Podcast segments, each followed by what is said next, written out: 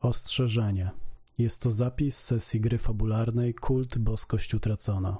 W trakcie nagrania pojawia się wulgarny język, opisy przemocy, a także treści, które mogą być niepokojące. Pamiętaj jednak, że to tylko zabawa. Nie prezentujemy tu naszych poglądów na jakikolwiek temat.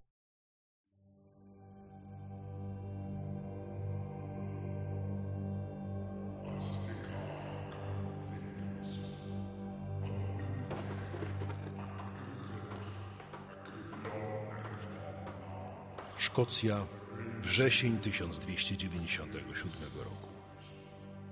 Bitwa pod Stirling przeszła do historii jako jedno z najważniejszych wydarzeń w historii Szkocji.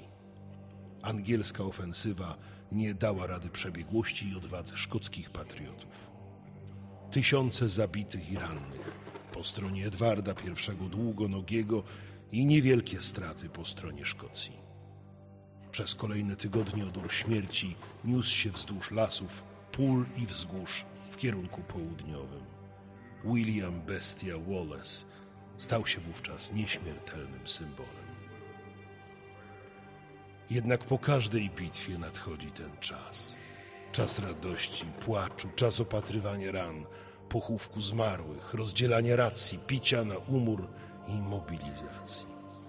I choć wojna trwa, to życie toczy się dalej. Wieś trosk nad rzeką Forth i ich własne troski. Enid, Ian, Bonnie i Angus.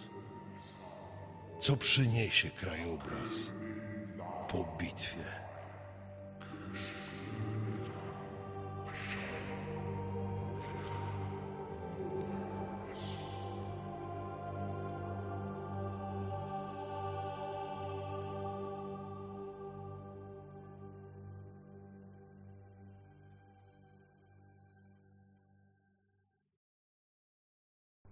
15 września 1297. To są dokładnie trzy doby po wielkiej bitwie pod Stirling. Każdy z naszych bohaterów wziął udział w pomocy, we wsparciu tych, którzy tej pomocy potrzebowali zaraz po. Nasi bohaterowie nie walczyli po stronie szkockiej ani po jakiejkolwiek innej. Zajęci byli innymi rzeczami, rzeczami codzienności, codziennymi zajęciami, które wypełniają ich życie od A do Z. Natomiast nie walczyli też z tego względu, że nie była potrzebna mobilizacja dodatkowych wojsk, dodatkowych osób, że wystarczająca ilość wojsk, która została zebrana na wzgórzu pod Stirling i przy moście, który pod wpływem walk został bardzo, ale to bardzo naruszony Wręcz macie poczucie, że przez najbliższe tygodnie, na pewno dni, na, ale być może tygodnie będzie trwała naprawa tego mostu. To jest stary, kamienny most, ale jak na tamte czasy, bardzo dobra konstrukcja. To właśnie ten most sprawił i konkretne rozlokowanie szkockich e, walecznych sprawił, że Anglicy przecenili swoje siły. Nasi bohaterowie wrócili do rzeczywistości, która jak to zwykle okazała się niezbyt łaskawa dla nich. Jan? Myślę, że zaczniemy od ciebie. Bo mój drogi, ty, pomimo tego, że pamiętasz ostatnie chwile jak przez mgłę, to jednak chciałbym usłyszeć, co dokładnie pamiętasz. Co z tamtych rzeczy, które wydarzyły się za szopą, za plebanią, co z tamtych rzeczy dociera do Twojej świadomości?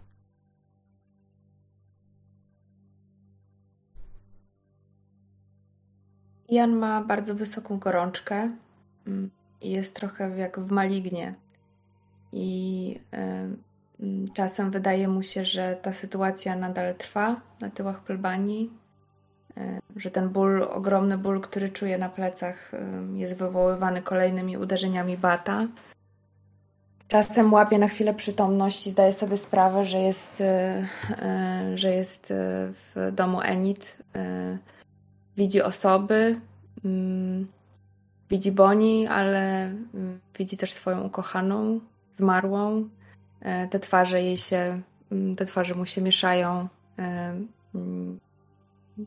E, nie, nie, jest, nie jest pewien swoich zmysłów.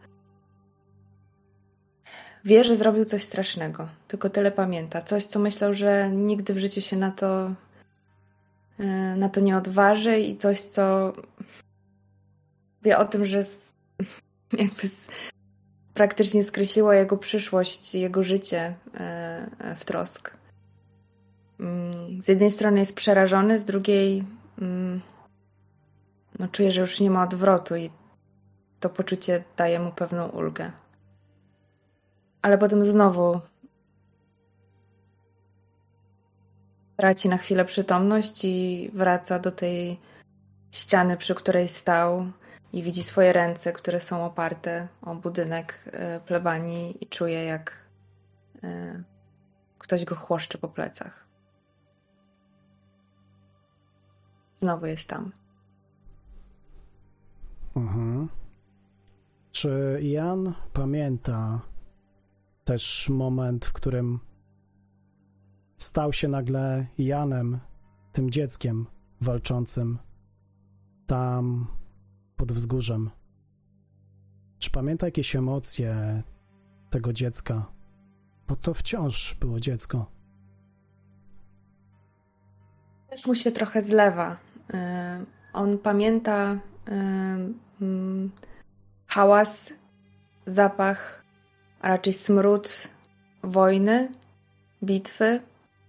Y, czasem wydaje mu się, że czuje ten smród w momencie, kiedy jest no tak, kiedy, kiedy, kiedy odbywa się ta chłosta. E, czasem wydaje mu się, że e, jest małym chłopcem, którego ktoś bije po plecach, e, a czasem wydaje mu się, że jest dorosłym Ijanem, który mm, sięga powłócznie, żeby, żeby strzelić. Nie wie, co jest prawdziwe. Te wszystkie rzeczywistości nakładają się na siebie.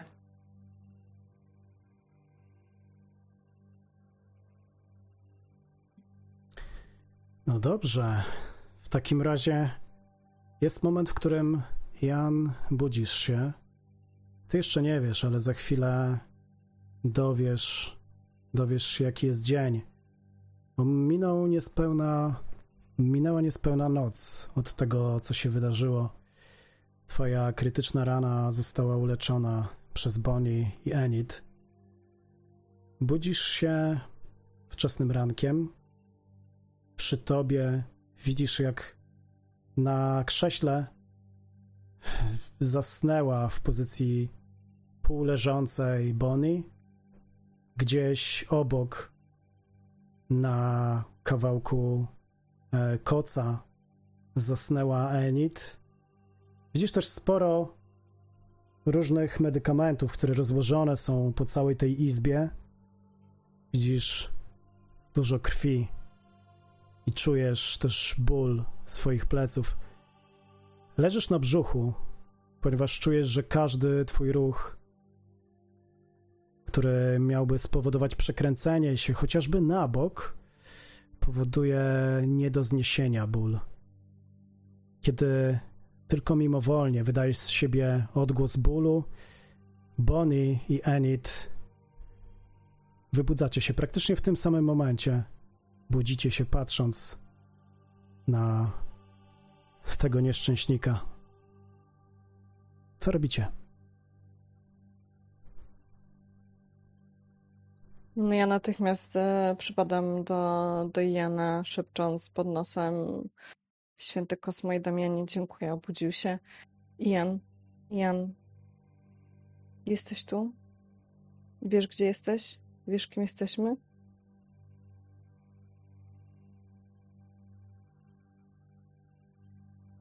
Tak. Oli. Wiem, nie ruszaj się, mówię i sprawdzam e, opatrunki, sprawdzam kompres, który, który masz e, pod czołem też. Sprawdzam, czy spadła ci choć trochę e, gorączka. Pytam się, podnosząc e, jakąś czarkę, jakiś mm, kubek czy chcesz zwilżyć usta? Czy nie chce ci się pić? Ja tak kiwam głową, że chcę. Ja myślę, że bardzo chce mi się pić i że mam takie spieczone usta. ale na pewno nie jestem w stanie też. jakby musisz mi pomóc. Tak, nie, no ja ci po Mhm. prostu delikatnie mm, podstawiam i polewam tak naprawdę te usta. Też mówię, że na razie nie możesz mm, napić się dużo, że powoli, że powoli wszystko będzie dobrze. Oni, on. On ci nie odpuści. Nie myśl teraz o tym. Mówię. Wszystko będzie dobrze. A on. Na niego też przyjdzie czas. Mówię, Nic unikając, unikając twojego wzroku. To nie może się skończyć dobrze. Na pewno nie dla niego.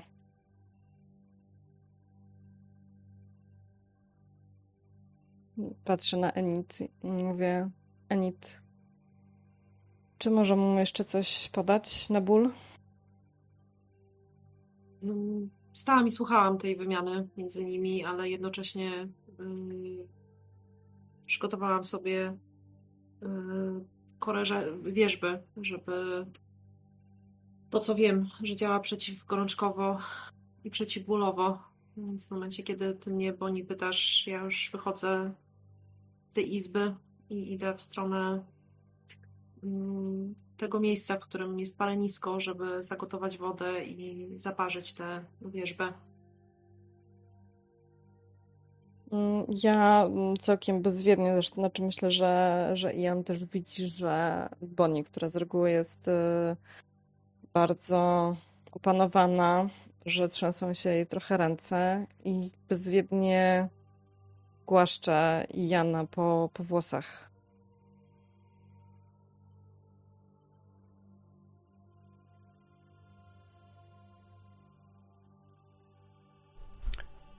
I tak po kilku chwilach wraca Enid. E, jeszcze dalej, czy zmieniacie opatrunek, czy też po prostu e, dajecie stopniowo wodę Janowi. Spędzacie z nim czas. Jest wczesna pora. Tak naprawdę do wschodu słońca jest jeszcze może godzina. Natomiast dźwięk, który towarzyszy od kilku dni w trosk wszystkim mieszkańcom, to po pierwsze śpiewy pijanych żołnierzy, to okrzyki churalne, czasem okrzyki złości, wymiana ciosów, czasem wrzask ze strony mieszkańców, kobiet, mężczyzn, czasami obrazy uciekających przed kopniakami zwierząt, albo po prostu uciekających zwierząt przed ilością zamieszania, które z racji tej dużej ilości osób, która pojawiła się po bitwie w Trosk, no, powoduje potężne zamieszanie. Nie brakuje też tutaj dzieci, chociaż dzieci przez swoich rodziców są ukrywane w domach. Rodzice nie chcą, żeby dzieciaki patrzyły na to, co się dzieje. A ponieważ wojacy za dnia i nocą urządzają sobie potężne popijawy, potężne, ponieważ ilość ale jakby nie kończyła się w tym miejscu. Tak jakby ktoś po prostu ze studni czerpakiem non-stop donosił. W zasadzie w większości ich dieta jakby opierała się na ale, bo jedzenie, które zostało im ofiarowane, zostało już zjedzone. Nie do końca wiadomo, ile czasu jeszcze tu będą. Kiedy któreś, któryś z mieszkańców pyta wojaków bądź ich przełożonych, bądź pastora, bądź szeryfa o to, ile czasu jeszcze będą, to ci wymijającym spojrzeniem, ale też słowem mówią, że będą tu tyle, ile będzie potrzeby.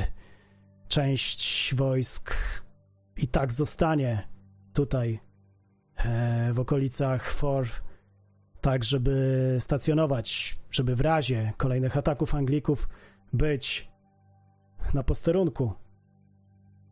Więc na waszym miejscu mm, pogodziłbym się z tym widokiem.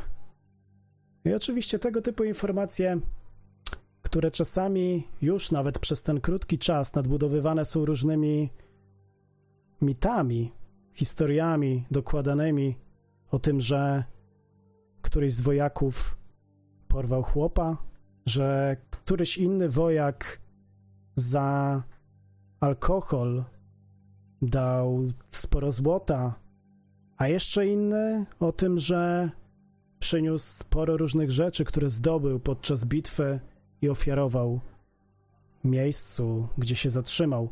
Sporo różnych historii zaczyna krążyć. Pewnie część z nich będą, będzie jeszcze gdzieś wspominana przez lata. Ale dla was, dla was jest poza tymi troskami życia codziennego jest Alister, ponieważ Forbes, który normalnie przesiaduje w swoim zamku i stamtąd się nie rusza, naprawdę, w ostatnich latach jego twarz widzieliście może dwa razy. Raz podczas wyboru kolejnego sołtysa, ale dlaczego się wtedy pojawił? Chyba dlatego, że z rodziną tego sołtysa zawsze był w bardzo dobrych układach. A drugi raz? Drugi raz, kiedy należało zebrać odpowiednią ilość um, pieniędzy, których przecież tak niewiele jest e, w trosk. I wtedy, kiedy trzeba było razem z poborcą pouczyć tych, którzy nie dotrzymują terminów w ilości uprawianej ziemi i tego, co ta ziemia przynosi. A trzeci raz w ciągu tych kilku lat to jest ten moment. Tak jakby Forbes miał wobec tego miejsca jakieś swoje własne plany. O czym oczywiście Jan, ale i pozostali, może poza Angusem, możecie się domyślić. Angus. Położyłeś się spać, twój chłopak, twój syn, hm, ale mówię twój chłopak, bo przecież w tym domu, poza nim, tobą i twoją żoną, jest tylko jeszcze dorosły mężczyzna, który zatrzymał się tutaj. Syn twój bał się nawet spojrzeć na ciebie, kiedy wróciłeś do domu w nocy. Co wydarzyło się, kiedy wróciłeś? Jaki był ten sen? O czym myślałeś? Jakbyś mógł powiedzieć też trochę o swojej rodzinie, tak żeby nakreślić bardziej jej kształt. Co w tej rodzinie dla ciebie ważne jest, a co z perspektywy Angusa mogłoby przebiegać lepiej? Co chciałby zmienić? Czy są takie rzeczy, które chciałby zmienić?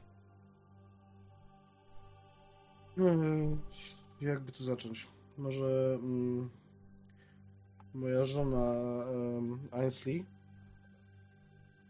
to jest, e, to jest taka typowa, twarda szkocka kobieta. Ona od, od małego um, życia ją nie rozpieszczało. E, nie pochodziła z, z jakiejś bogatej i możnej rodziny. Być może um, być może też dlatego zdecydowała się związać ze mną, mimo historii e, mojego ojca. E, dlatego też e, Dlatego też te trudne chwile jakby zbliżyły nas do siebie jeszcze bardziej i po prostu e, to jest rzeczywiście takie, takie moje duże oparcie. Natomiast e, syn jest e, syn jest dość takim ciekawskim dzieciakiem.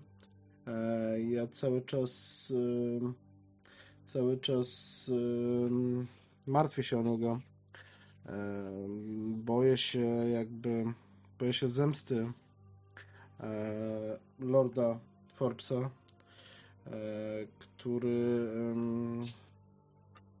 pragnąc, e, pragnąc mojej matki, kiedy, kiedy byłem znacznie młodszy i kiedy mój ojciec jeszcze żył, oskarżył mojego ojca o zdradę i doprowadził do jego egzekucji. E, no i okrył, okrył moje nazwisko mojej, mojej rodziny hańbą, można powiedzieć. Więc ja cały czas trochę żyję w takim strachu, żeby temu, e, temu mojemu synowi nic się nie stało. E, to jest też e, to jest też hmm, w pewnym sensie to może źle zabrzmi, ale ja w pewnym sensie traktuję go trochę jako taką słabość swoją. To znaczy, że to jest jakby coś, przez co bardzo łatwo zrobić mi krzywdę, tak? To znaczy, gdybym był sam, tak, gdybym był jakimś e, wygnańcem, odludkiem, e, e, synem zhańbionego człowieka, to po prostu ja bym sobie jakoś poradził, tak, ale przez to, że mm, mam syna, który jest jeszcze dzieckiem, jest bezbronny, cały czas mam z tyłu głowy takie poczucie, że to jest jakby furtka do tego, żeby mnie skrzywdzić, że, że mm, muszę cały czas na niego uważać. I, e, i kiedy mm, kiedy krzyknąłem na niego wtedy, poprzedniej nocy, e, żeby żeby natychmiast uciekał do domu, e, ja wrzasnąłem na niego w taki sposób, że że widziałem, że on się rzeczywiście wystraszył. E, nie tylko tego, mm, tego czego ja się mogłem wystraszyć, ale, ale mnie się po prostu wystraszył. E, więc e, kiedy, kiedy opukałem ręce po dotykaniu tego czegoś, co znalazłem nad rzeką, i wszedłem do, do izby, zobaczyłem jak e, jak mój syn e, próbuje udawać, że śpi, tak? To znaczy po prostu w, w ostatniej chwili e, zobaczyłem jak nakrywa się jakąś, jakąś derką, kiedy wszedłem do, do izby, więc podchodzę do podchodzę do jego posłania, upewniając się, że, że moja żona w drugiej izbie śpi i nasz gość również śpi. E, po czym e, kucam przy jego posłaniu, e, głaszczę go po, po głowie i mm, szepczę do niego wystraszyłeś się? Ojcze, ja nie chciałem nic złego zrobić. Nie zrobiłeś nic złego, ale... Ja bardzo nie chciałem. Wybacz mi. nic złego. Musisz... E... Nie bij mnie, proszę. Barclay, nie jesteś już dzieckiem. Musisz zrozumieć, że mamy wrogów i musisz musisz uważać. Nie możesz nie możesz nikomu powiedzieć o tym, co znalazłeś nad rzeką i nie możesz nigdy więcej tam chodzić. Nikomu, rozumiesz? Nigdy nikomu. Ale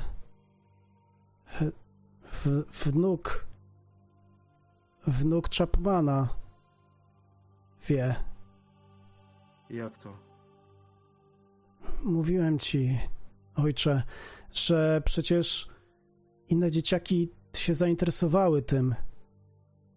Wnuk Chapmana. On jest w moim wieku. Widziałeś go tam? Ruszał te rzeczy?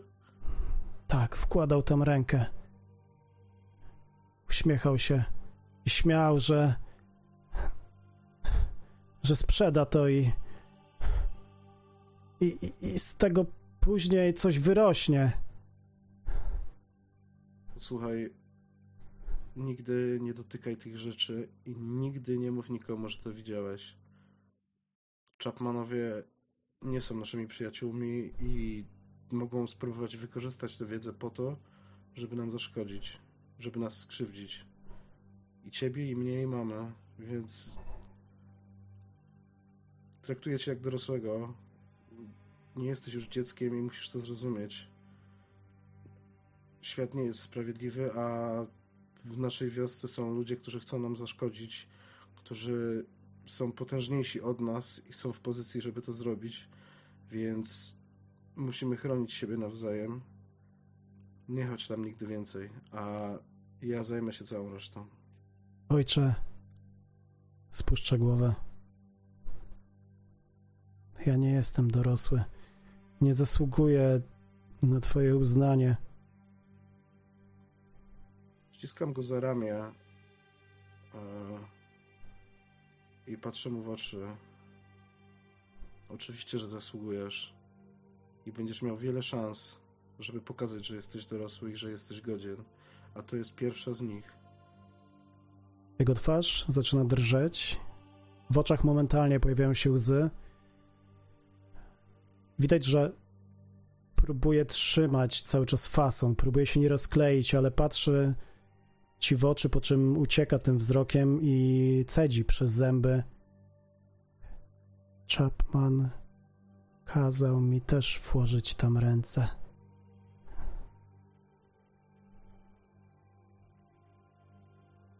Włożyłeś ręce do tego czegoś? Tak. I oderwałem kawałek. Gdzie to masz? W tym momencie matka podchodzi do was. Co tu się dzieje? Strasznie głośno się zachowujecie. Obracam się tylko do niej, yy, przykładając palec do ust i tak jakby mm, wzrokiem e, rzucam na tego przybysza, który śpi, tak jakby chcę jej dać do zrozumienia, żebyśmy byli cicho, żeby go nie obudzić. Jasne. Gdzie to masz? Ojcze, to zaczęło się jak owad ruszać. W strachu wyrzuciłem do wody. I ojcze, ja, ja ściągnąłem cię tam, bo pomyślałem, że ty wiesz, co to jest. Wiesz, prawda? Wiesz. A, a jak ty nie wiesz, to, to może. Może nasza Enid wie. Albo ojciec Kol. Nie wiem, ale się dowiem. Nigdy więcej tego nie dotykaj. Sięgam po. Um, sięgam po um, jakąś żagiew do, um, do palaniska. E, unoszę ją nad, e, nad posłaniem mojego syna i szepczę do niego cicho: Pokaż ręce. Nie ugryzło cię? Nie, nie jesteś ranny? Nie zraniło cię? Nie, poruszyło się tak jak e, złapana e, żaba albo owad w dłoń, jakby chciało wyjść z niej. Pokaż ręce. Chcę obejrzeć jego dłonie. Pokazuję ci upewnić, ręce. że nie ma jakichś ukąszeń albo jakichś ran, albo czegoś takiego na sobie. Dobra, poproszę cię tutaj o wykonanie jakiegoś ruchu, które może pasować do tego. Czekaj, bo sobie zgubiłem kartkę z ruchami. Niech to będzie. Mm, A Masz Sekundkę. raczej badaj. Będzie No. takim ruchem. Eee, czekaj, ja mam w takim razie. Minus dwa. Na mądry to ja nie jestem. Eee, 6, 11, 9. Niestety fail. Mhm. Poczekaj sekundę.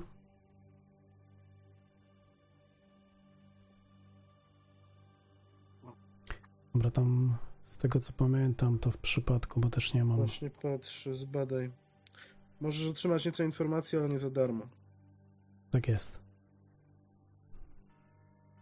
E, wiesz co? To jest...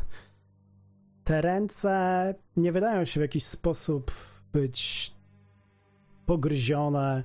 To są ręce chłopaka, który pewnie nie raz na też w pracy, bo też pomaga ci e, w różnych zajęciach. Więc one to nie są delikatne ręce. W różnych miejscach mają naskórek nieco zgrubiały, ale tak na pierwszy rzut oka i po dotyku ich nie czujesz, żeby coś było z nimi nie tak. Natomiast pamiętaj... Wyglądam się tak zmartwiony. Mm. Która, nie chcę pytać, która jest godzina, ale jaka jest pora nocy? Czy to jest środek nocy? Myślę, że to jest środek nocy. Cały czas jeszcze jest ciemno. E... Stawaj, chłopcze, pójdziemy do Enid. Chcę, żeby cię obejrzała, zanim pójdziesz spać, bo nie da mi to spokoju. Mhm. Dobrze. W takim razie e, on zbiera się, twoja żona podchodzi do ciebie. E, Angus, co się dzieje? O co tu chodzi? Przysłuchiwałam się i dopytywałeś młodego o te przedmioty, o których mówił. Wspominał mi o tym, ale o co to chodzi? Coś, młody Chapman coś przy tym grzebał. Barclay twierdzi, że w środku było jakiś stwór, jakiś, jakiś owad.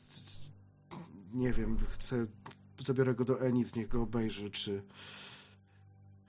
Kładzie ci tak rękę, kładzie ci tak rękę na ramieniu. Połóżcie się, proszę. Argus. Jak, jak teraz nie pójdziemy do spogląda rana, tak, wiadomo, co się Spogląda tak w kierunku tego obcego. Chyba nie chcesz mnie zostawić tu samego. On, on nie zrobić krzywdy. Samej. On nie zrobić krzywdy. Jestem tego pewny. To honorowy człowiek. Poza tym nie będzie nas tylko kilka chwil. Pójdę, pokażę go Enid, niech, niech obejrzy jego ręce, niech, niech go zbada. Dzięki temu będę spokojniej spał. Wracajcie szybko. Na zewnątrz wcale nie jest tak bezpiecznie. Zbiera się chłopcze. Mówię i przytraczam sobie um, przytraczam sobie miecz do, do pasa. Mhm. Jak, jak młody się ubierze, to po prostu e, położę mu rękę na ramieniu i wyprowadzę go z domu, e, zarzucając na, na siebie jakąś opończę albo coś takiego i e, postaram się jak najkrótszą drogą, może nie tyle co przekraść, ale no, staram się nie zwracać na nas uwagi i dostać się do, do domu Enid. Ja oczywiście nie wiem, co się stało z Ianem, z Ianem prawda? Nie wiesz. Nikt e, nie przyszedł tutaj i nie poinformował was o tym, więc to dla ciebie będzie zupełnie nowa informacja. Słuchaj, wy, wychodzicie e, z synem, oświetla wam tę wioskę rozrzuconą tymi nierównymi budynkami z kamienia i drewna, z dachem, strzechą pokrytym ze sporą ilością osób, która pod gołym niebem śpi, ze sporą ilością dogasających albo jeszcze tlących się całkiem pokaźnie palenisk. Słychać naturalnie też chrząkanie, odgłosy rozmów. Przemykacie tak, aż wrażenie, jakby ktoś coś do was przed chwilą powiedział, ale nie zwracacie na to uwagi. Idziecie dalej, ktoś inny krzyczy, nie wiesz, czy w waszym kierunku. Jest jeszcze więcej! Tego trunku! Zamknij się!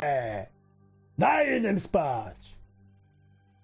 Zmierzasz do Enid, gdzie zatrzymujesz się pod samym domem.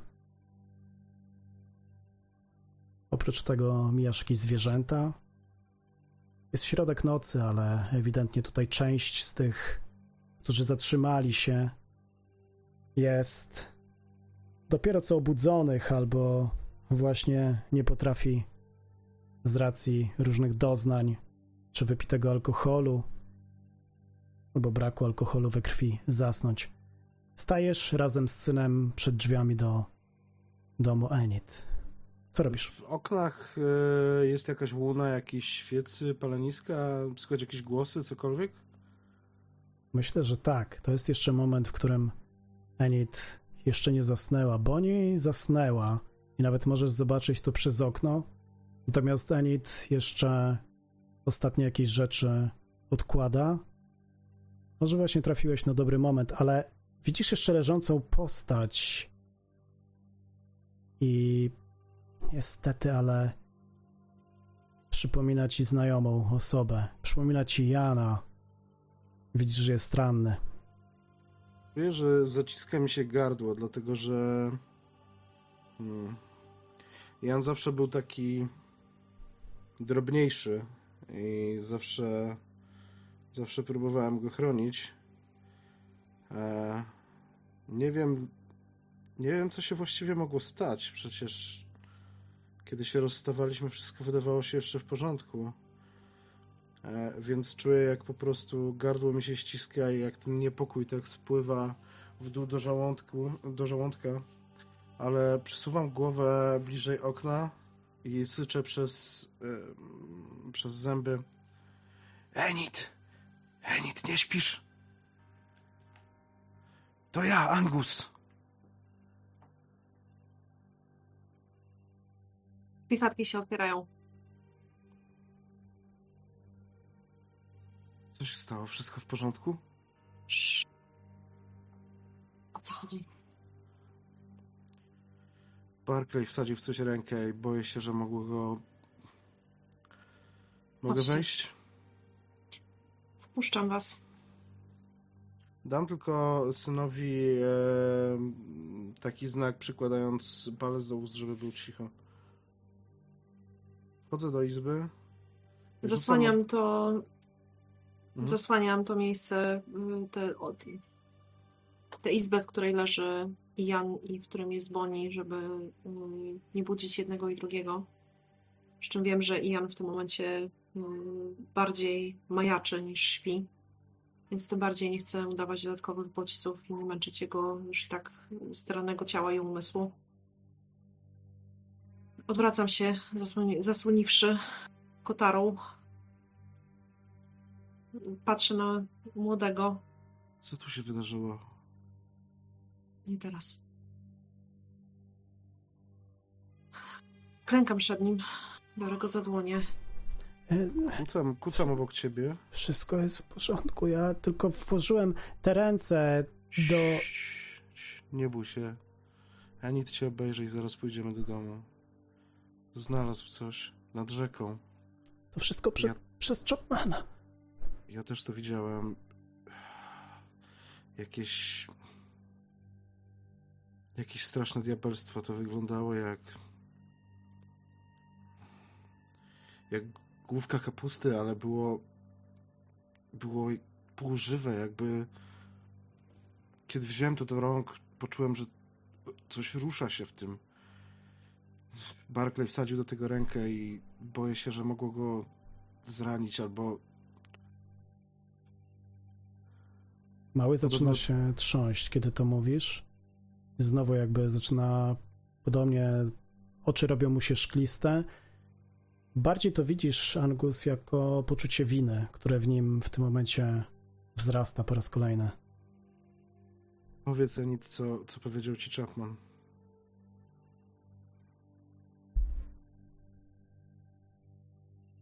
Było do młodego. Mhm. Powiedział, powiedział, że, że on to sprzeda i później jak to sprzeda, to coś z tego wyrośnie. Ale kto kupi od dziecka coś? Przecież, przecież my nie sprzedamy tego. Ani on, ani gdybym nawet ja to chciał sprzedać. Powiedział, Rzucam krótkie spojrzenie na Angusa, słuchając tego, co mówi y, Barclay. Ja po prostu Mm. robię, robię wielkie oczy i wzruszam ramionami. Po, po, powiedział, żebym włożył tam rękę do środka. I co włożyłeś? Obie. Mhm. Patrzył się. Jak, jak on do mnie mówi, to jeszcze widząc, jak bardzo jest roztrzęsiony, chociaż sama jestem e, dosłownie na ostatnich nogach, yy, gdzieś tam spinam się w sobie, bo wiem, że to jest syn mojego przyjaciela, więc biorę go za ręce tak łagodnym gestem. Dłonie Enid to nie są dłonie kobiety, która pracuje w polu, są dużo delikatniejsze. Więc ten dotyk już powinien zrobić na nim wrażenie takie dosyć uspokajające. Więc biorę go za te ręce. Nie dotykaj jego! Słyszysz w głowie, nie dotykaj go! Tego, to się weź te ręce. Grozi ci niebezpieczeństwo, nie dotykaj go! Widzisz, Angus, jak ona, widzisz, jak ona gwałtownie odskakuje od dziecka. On tak spogląda na Enid, po czym jeszcze bardziej jakby zamyka się w sobie. Słyszysz Martwe głos puka, wiesz. słyszysz głos puka w swojej głowie. To dziecko jest przeklęte, to dziecko jest przeklęte. Jemu, jemu już, jego już nie da się uratować. Enid, Enid, musisz wytłumaczyć to Angusowi, że należy poćwiartować to dziecko i, i gdzieś głęboko, głęboko pod ziemią zakopać, bo wyrośnie z niego coś, co wszystkich was opęta. I, i mnie, i ciebie, i Lady. Rzuć sobie, weź się w garść Enid i obniż sobie oprócz tego jeszcze stabilność o dwa, dlatego że to dziecko jest bliskie relacji bliskiej, czyli Angusowi.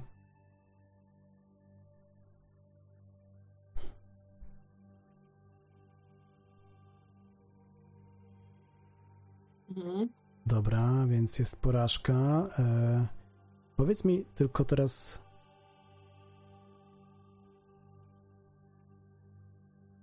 Po obniżeniu o 2 jesteś na wstrząśniętym teraz, tak? Czy nie zaznaczałeś jeszcze? Ja jestem w tym momencie nieracjonalna, ponieważ ostatnia. Yy, ostatnia sytuacja doprowadziła mnie do stanu neurotyczny i te dwa teraz stany kolejne to jest yy, nieracjonalny, krytyczny stres. Dobra. E, Dobrze, to ja bym chciała w takim razie, skoro już jestem w takiej sytuacji, rzucić na przejrzyj iluzję. Dobrze. To zapraszam.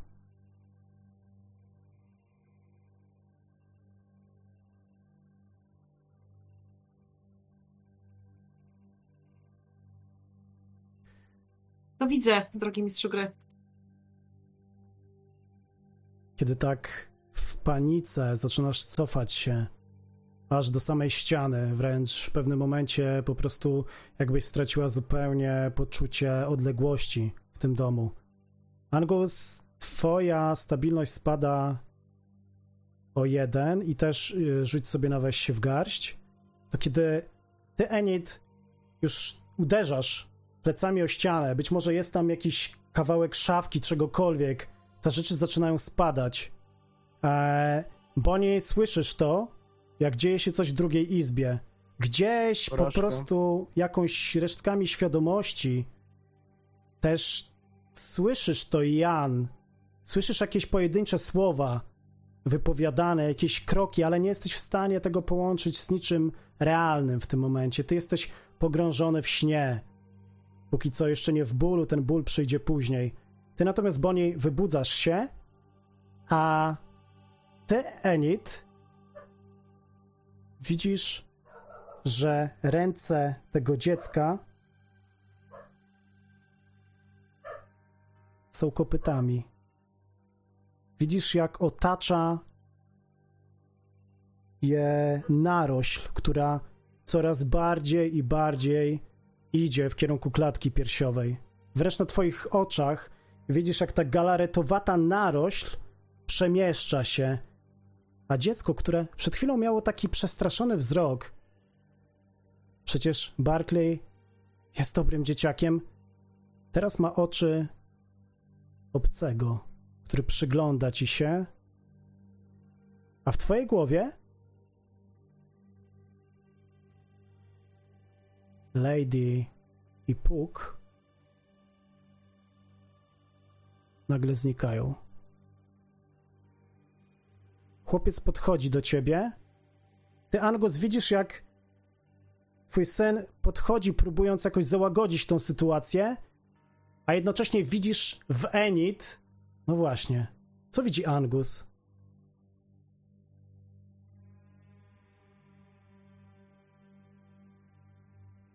Opisz, Enid, co dzieje się na zewnątrz z twoją postacią. Za chwilę opiszesz, co dzieje się w środku, ale co widzą postronni?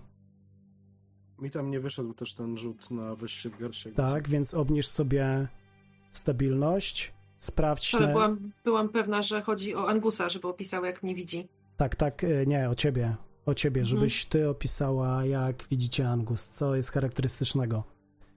Mhm.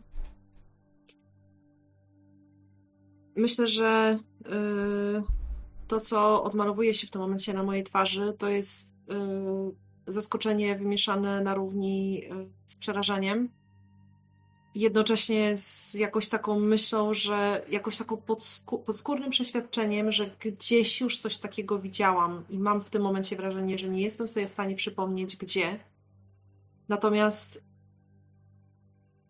ja zatrzymuję się na tej ścianie i praktycznie wbijam palce w te półki, które gdzieś tam mam za plecami. Yy...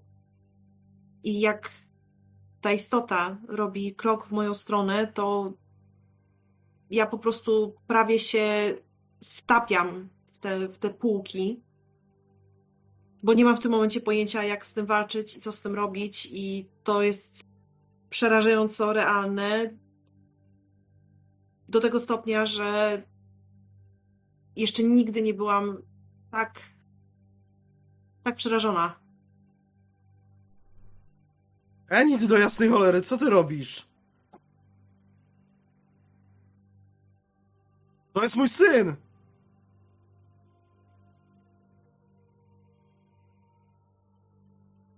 Zaczynam w tym momencie mówić, ale mówić w języku, którego nie wiem na ile yy, wszyscy go znają, ale yy, po celtycku, w szkockim gaeliku. I to jest po prostu coś na kształt zaklęcia przywołuję Bejrę, przywołuję panią tych ziem, żeby żeby mnie uratowała, bo widzę, że dla tego dziecka jest już po prostu za późno. W ogóle nie słyszę Angusa, jakby to, co, co on krzyczy, totalnie nie robi na mnie wrażenia. Po prostu zatapiam się w tym, w tej mantrze, którą, która płynie z moich ust i mam nadzieję, że to dziecko nie podejdzie bliżej, że to coś nie podejdzie bliżej. Ja nic do jasnej cholery, pomóż mi. To dziecko, syn Argusa, zaczyna jednocześnie płakać i podchodzi coraz bliżej Enid. Próbuje, nie wiem, z nerwów jakoś próbuje jakoś uciszyć Enid, jakoś załagodzić tą sytuację. Bonnie? No ja y, odsłaniam y, zaniepokojona tą zasłonkę, y, patrząc co się dzieje, mówię Enid, Enid, co się stało? Bo widzę chłopca, który zaczyna płakać, idzie w stronę Enid, a ona jest blada jak ściana. Mówi coś w niezrozumiałym języku, nie wiem, jakby się modliła, jakby odpędzała mm, zło. E, I widzę też roztrzęsionego Angusa, który patrzy na, na nią nic nie, nie rozumiejąc, więc podbiegam do niej i łapię ją za, za ramiona. Mówię, Enid, Enid, e, trzęsąc nią. Co się dzieje? Szedłem po pomoc, chłopak... Chłopak miał coś w ręce, nie, nie wiem co się stało. Kompletnie, kompletnie jej odwaliło. Mm, e, Angus, weź, weź go na chwilę. Nie, nie wiem, ona wygląda jakby się was bała. Wezmę Weź... go na ręce. Wezmę go na ręce. Nie mówię, poczekaj proszę. Poczekajcie proszę na zewnątrz. Ja spróbuję porozmawiać z Enid. Myślałem, że myślałem, że mogę dla ciebie liczyć. Nie, mówię, Angus... nie, nie ma kontaktu, nie ma kontaktu, po prostu Enid w tym mówię, momencie jest. Angus, Angus, my dużo przeżyłyśmy. Jan tam może umrzeć. Ona jest wstrząśnięta. Patrzę w, tym momencie na, patrzę w tym momencie na to posłanie, na którym, na którym leży Ian. Nie mówię, później porozmawiamy, proszę cię. Na razie nie miej ani tego za złe. Naprawdę. I pokazuję. Do jasnej cholery. biorę cię tak delikatnie za ramię i podprowadzam do, do drzwi. Poczekajcie na chwilę, zaraz cię poproszę, dobrze? Enid jest... Wychodzę z, wychodzę z Mhm. chłopakiem, trzymając go na rękę. On płacze, płacze, a ty widzisz i wtula, wtula swoją głowę w twoje ramię, a ty, Enid, w tej chwili, która w twojej świadomości trwała dużo dłużej, ponieważ chłopak, a raczej coś, co zawładnęło jego duszą, bo nie masz w ogóle co do tego żadnych wątpliwości. Kiedy podchodził do ciebie, kiedy dotykał cię, to czułaś taki bardzo nieprzyjemny, nieprzyjemny, dziwne, dziwne takie nieprzyjemne uczucie, jakby coś po prostu chciało cię kawałek po kawałku wyrywać twoje ciało. Natomiast on tylko sprawdzał, tak jakby delikatnie dotykał cię. Osoby postronne, które patrzyły na to, widziały, że on chciał że chłopiec chciał po prostu do ciebie przytulić się. To była jakaś zupełnie dziwna sytuacja, ale ten chłopak właśnie w taki sposób chciał zareagować na ten stres. Ale ty widziałaś, że w pewnym momencie ta istota kompletnie pozbawiła cię przestrzeni. Stanęła nad tobą przesunęła się do ciebie i kiedy przykładała swoją racicę, swoją dziwnie powyginaną, jeszcze z tą galaretą, która wręcz y, jakby poruszała się w momencie, kiedy zbliżała się do ciebie, a widziałaś, że gdzieś w tej galarecie, jak w wyładowaniach atmosferycznych, pojawiały się jakby błyski, rozbłyski i zaczęło, zaczął cię dotykać, jakby smagać cię tą swoją dłonią i wtedy przesłał ci myśli swoje. I te myśli, te myśli spowodowały, że przez najbliższe kilka godzin nie byłaś w stanie dojść do siebie, ponieważ przesłał ci wizję, trosk, gdzie na środku wioski jest kościół. Kościół ułożony ze stert ciał. A na samej górze wbite są pale z głowami Enid, Jana, Angusa, Bonnie.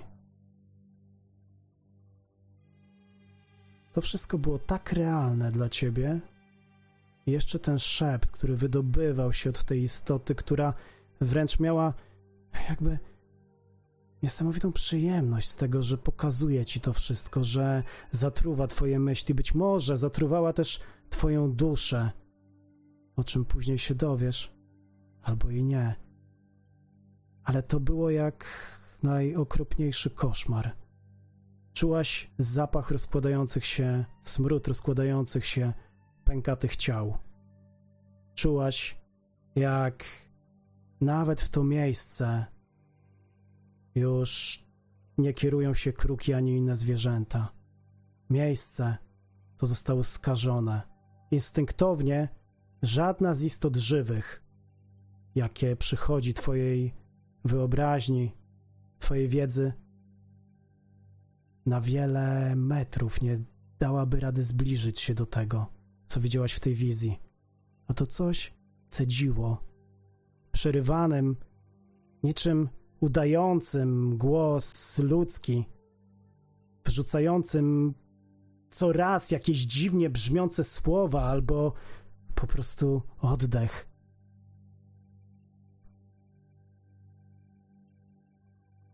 To jest cena, cena zwycięstw, które ponosicie tu, w waszym nędznym życiu. Nic, nic więcej i nic mniej, tylko wasze dusze, którymi karmię się ja. Tylko wasze dusze pod twoim przebudzeniu będą już w tym pięknym kościele. Staną się jego częścią na zawsze. Nieważny jest krzyż jego kształt. Nieważne jest, które z was, kim i naprzeciw komu. Wszystkich chętnie przyjmę jak mój największy dar do serca zgniłego, jak twoje wnętrze. I potem budzisz się, Enid, ale budzisz się, kiedy jest już ranek. Co dalej dzieje się, kiedy ty, Bonnie, zostajesz razem z Enid, która wpatrzona z otwartymi szeroko oczami w martwy punkt, z płytkim oddechem, gibia, yy, po prostu machająca się na boki, szeptem wypowiadająca kolejne słowa po, celty, po celtycku. Co Boni robisz? No ja wychodzę do, do Angusa i mówię, żeby przyszedł w dzień jutro, że, mm, że ja nie jestem w stanie zająć się też jego synem, a wydaje mi się, że, mm, że nic mu nie jest. Że ty jest po prostu przerażony tym, co zobaczył i że strasznie przepraszam cię, Angus, ale mm, Co się ja... Ja nie wiem, ona jest w jakimś szoku. Muszę się nią zająć i doglądać Iana. Proszę przyjdź w dzień. Co z Janem? Ojcze, Pat- nie tak na denerwuj chłopca. się. Patrzy tak na ciebie. Jest zapłakany, oczy ma przekrwione. Akurat wychodzicie e, w miejsce, gdzie jedynym światłem dającym jakiekolwiek wrażenie bijącego światła jest księżyc, więc widzisz tylko takie, widzicie tylko takie opuchnięte poliki i, i oczy, które, e, które są Ściskam go. przymknięte. Przyciskam go do piersi bardziej. Ja chcę do domu, ojcze. Patrzę na Bonę i mówię jutro. Po czym obracam się na pięcie i po prostu idę w stronę, w stronę swojego domu. Ja wracam, wracam do izby i po- podprowadzam Anit na koc przy Ianie, żeby oboje ich mieć e, na oku. Daję jej, e, szukam ziół, daję jej jakiś napar uspokajający, żeby mogła Enid jest nie do ruszenia. zasnąć. Enid jest nie do ruszenia. Twoja stabilność spada o dwa, e, Bonnie. Niczego takiego nie widziałaś dotąd. Nie widziałaś w tej naprawdę dziarskiej, twardej kobiecie, która nie dość, że zawsze jest w stanie coś powiedzieć, to jest w stanie coś wymyślić, zadziałać. Nigdy nie widziałaś, żeby ona się tak zachowywała. Wręcz masz poczucie, że jakieś siły zewnętrzne, niepojęte mogły tutaj zadziałać. Bo co innego. Enid, taka ikona, mierzy się z różnymi siłami. I choć część ludzi w to nie wierzy, to nawet jeżeli to odrzucasz, to w twojej myśli nie raz pojawiło się to. Przecież ona ona zawsze miała nosa do różnych spraw. Do łączenia ziół, do znajdywania rzeczy, których zwykły człowiek nie byłby w stanie znaleźć, a ona robiła to w nocy, po ciemku. Przywoływała zwierzęta z lasu, kiedy była taka potrzeba.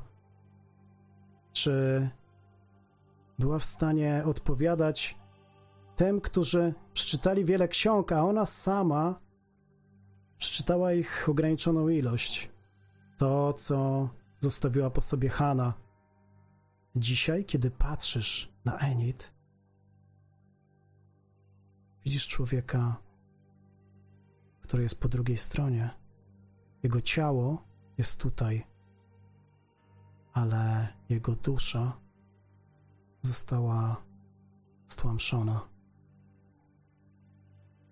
No, bo nie jest um, totalnie rozstrojona. Znaczy, mm, będzie, będzie z uporem maniaka próbowała w jakikolwiek sposób uspokoić Enid albo do niej, do niej dotrzeć. Um, czuje się bardzo nieswojo. To znaczy ma takie poczucie, że dzieje się coś, czego nie rozumie i jej racjonalna część powtarza sobie cały czas, że e, obie są przemęczone, że emocje z ostatnich trzech dób, które się skumulowały, po prostu powaliłyby niejedną osobę, że może i on coś takiego czeka, kiedy, kiedy pęknie wreszcie. Um, I że to jest całkiem normalna sytuacja, że nie wydarzyło się nic przecież nienormalnego, że to po prostu jest jakiś szok. Ale sama w to do końca nie wierzę. Bierze wszystkie chyba świeczki, jakie Enid miała w domu i zapala je, żeby było jasno. Stara się skupić na tych najprostszych e, czynnościach, które zna. Znaczy opatruje znowu Iana, zmienia mu zmienia mu jego e, e, nie tylko opatrunki, ale też kompres. E, po prostu ale cały czas trzęsą jej się ręce, cały czas być może nawet mówi coś do siebie. Ma łzy w oczach, kiedy próbuje dotrzeć do do Enid. Ale cały czas wypiera po prostu to, że mogło się wydarzyć coś coś dziwnego. No, tak jak mówiłam, no ja mm, Bonnie będzie robiła wszystko, żeby Enid wróciła do siebie.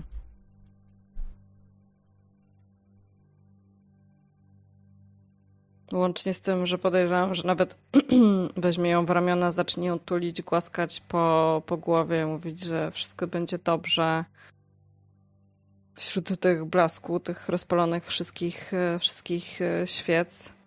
Myślę, że nawet jakieś e, olejki mm, na kawałek jakiejś tkaniny.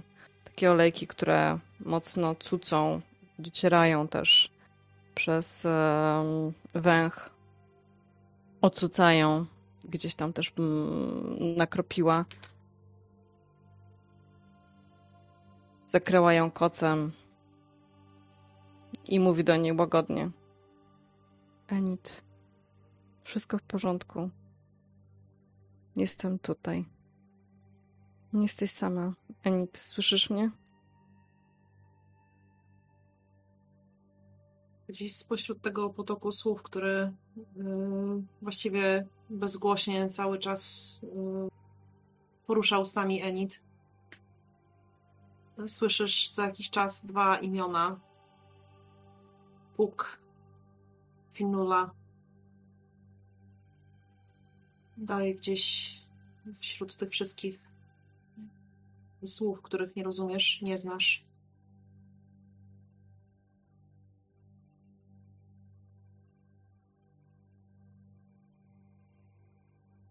Przywołuję ich po raz pierwszy w życiu. Nie ma ich. Tak jakby zniknęli nagle. Nie czujesz ich obecności. Zwykle nawet jak nic nie mówią, to czujesz ich obecność. A teraz to coś ich zabrało. Raz pierwszy w życiu czuję się tak yy, przerażona i osamotniona I tak jak wcześniej wiedziałam o tym, że są jakimś elementem nadnaturalnego, którym nie należy igrać, ale z drugiej strony nie zawsze należy ich słuchać. Więc ta równowaga między nami cały czas gdzieś była. Tak teraz po prostu czuję się naga i czuję się kompletnie nie w swojej skórze i i ta wizja, która, którą pokazało mi to coś, jest tak obezwładniająca, że po raz pierwszy również w życiu nie wiem, co mam zrobić.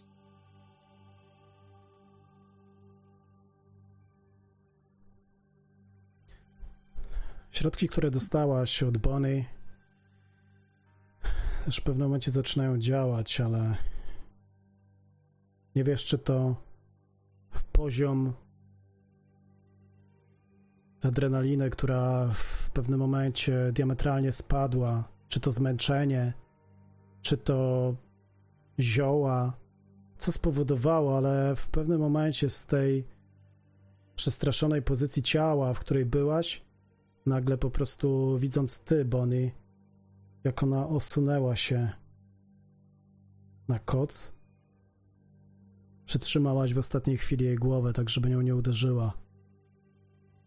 I zasnęła. Zasnęła mocnym snem. Co ty w tym czasie robiłaś? Kiedy Anit zasnęła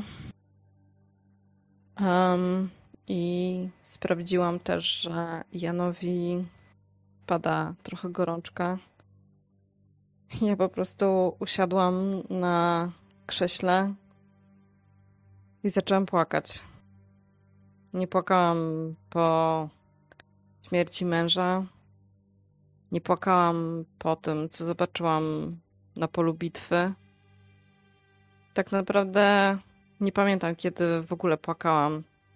Nie dopuszczam do siebie zbyt wielu emocji, raczej zawsze staram się to gasić, być racjonalna.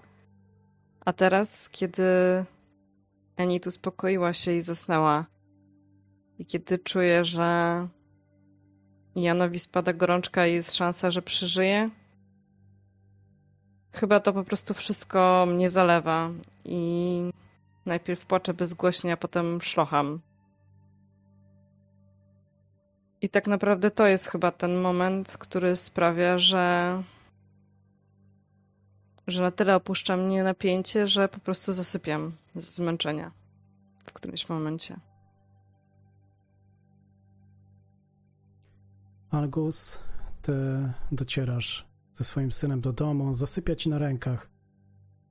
Ja w drodze, e, zanim, zanim jeszcze rzeczywiście mi zaśnie na rękach, e, niosąc go i przyciskając sobie do piersi, e, chciałbym e, chciałbym chciałbym go jakoś uspokoić. Mówię do niego synu, to jest ten moment, w którym musisz być dorosły. Nie możesz niepokoić tym matki, rozumiesz? Nie możesz jej nic powiedzieć. Musisz się uspokoić i Enid miała jakiś zły dzień, może jest chora, może nie bierz tego do siebie, to nie twoja wina. Nie mów o tym matce, to musi zostać między nami. Chciałbym wykonać e, ruch wpływ na innych. Hmm, proszę. Z komplikacjami. Hmm? On powtarza twoje słowa. Muszę być dorosły.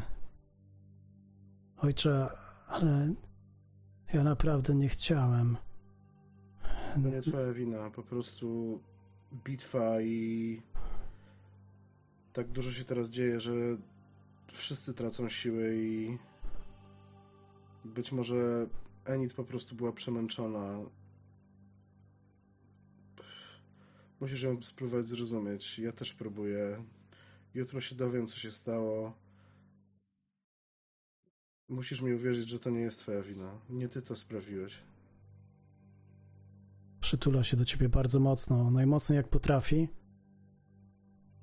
i kiwa głową na potwierdzenie twoich słów.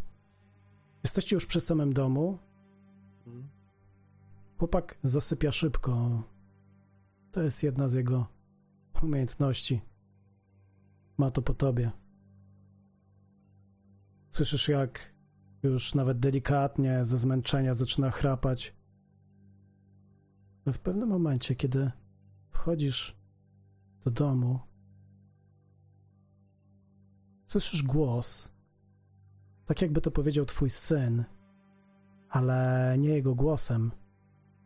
Głos za sobą, który powoduje, że odruchowo odkręcasz się. Głos, który mówi: Czy to prawda, że tam, na wzgórzu pod Stirling, wyjadano wnętrzności tych, którzy leżeli?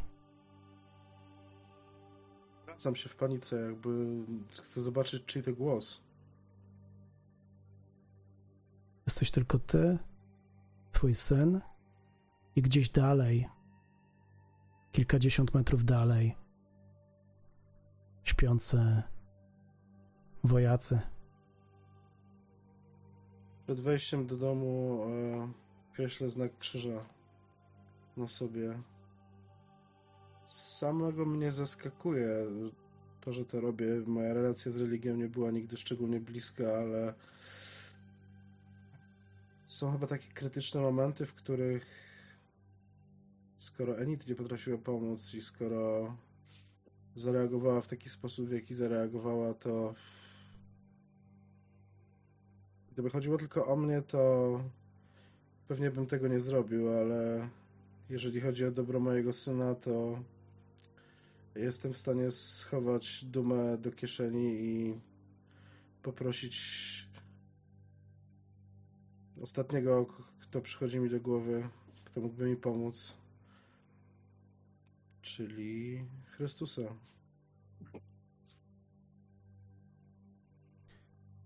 Przy drzwiach jest twoja małżonka, która otwiera ci je, kiedy tylko stajesz przed nimi. Czekała na was przy samych drzwiach. Widzisz, jak w rękach trzyma nóż schowany.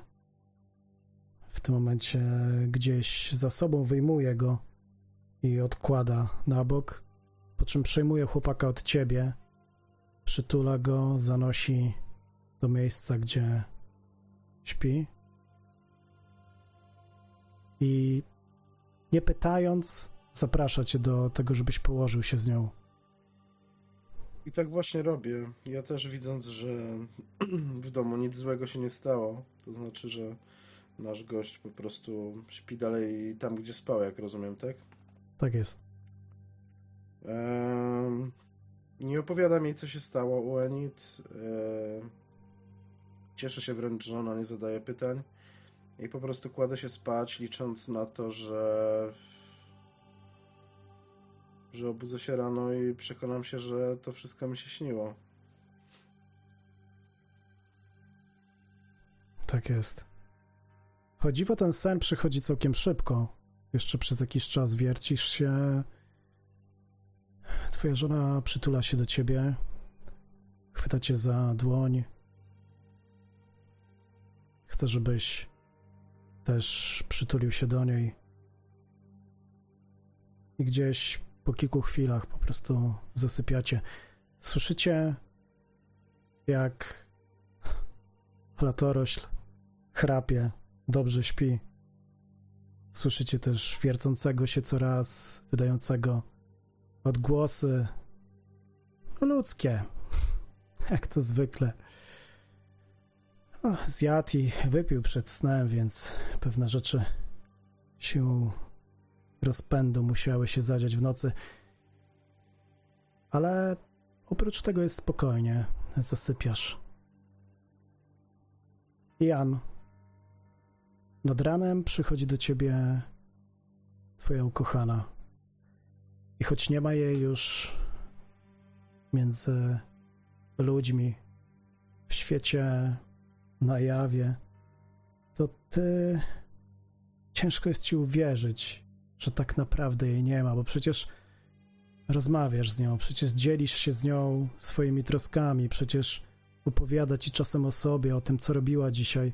Przywołuje różne historie związane z waszym życiem wspólnym, krótkim, ale no właśnie, to życie, to wspólne życie z jednej strony wydaje się być krótkie, a z drugiej trwać jakby wieczność. Zostaliście sobie przypisani. Ona tobie, a ty jej. I kiedy rano przyszła do ciebie, położyła rękę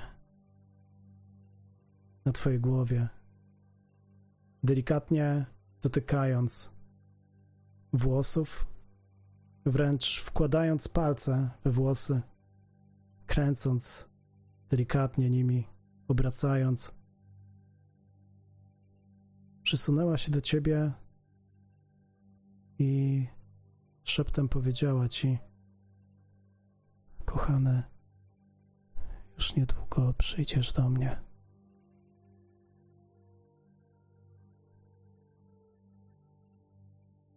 Już niedługo.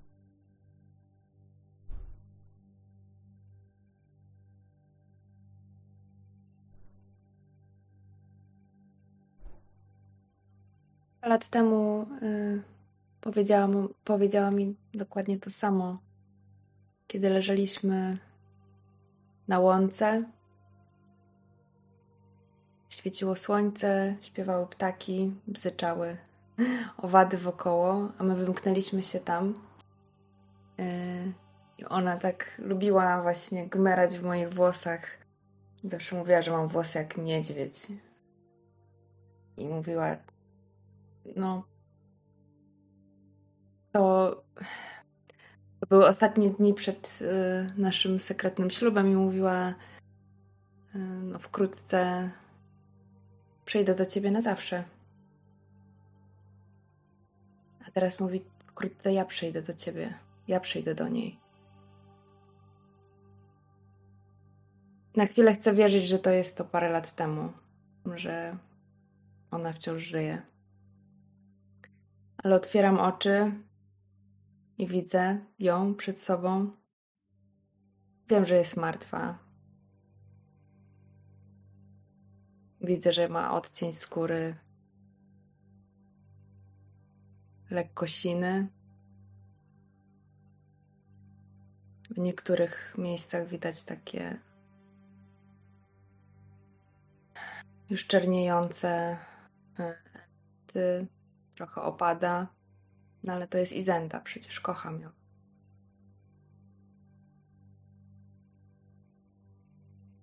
Wrócę, przyjdę do ciebie. Wkrótce, kochana, ale jeszcze muszę coś załatwić, wiesz? To nie może trwać dalej. Nie mogą kolejne osoby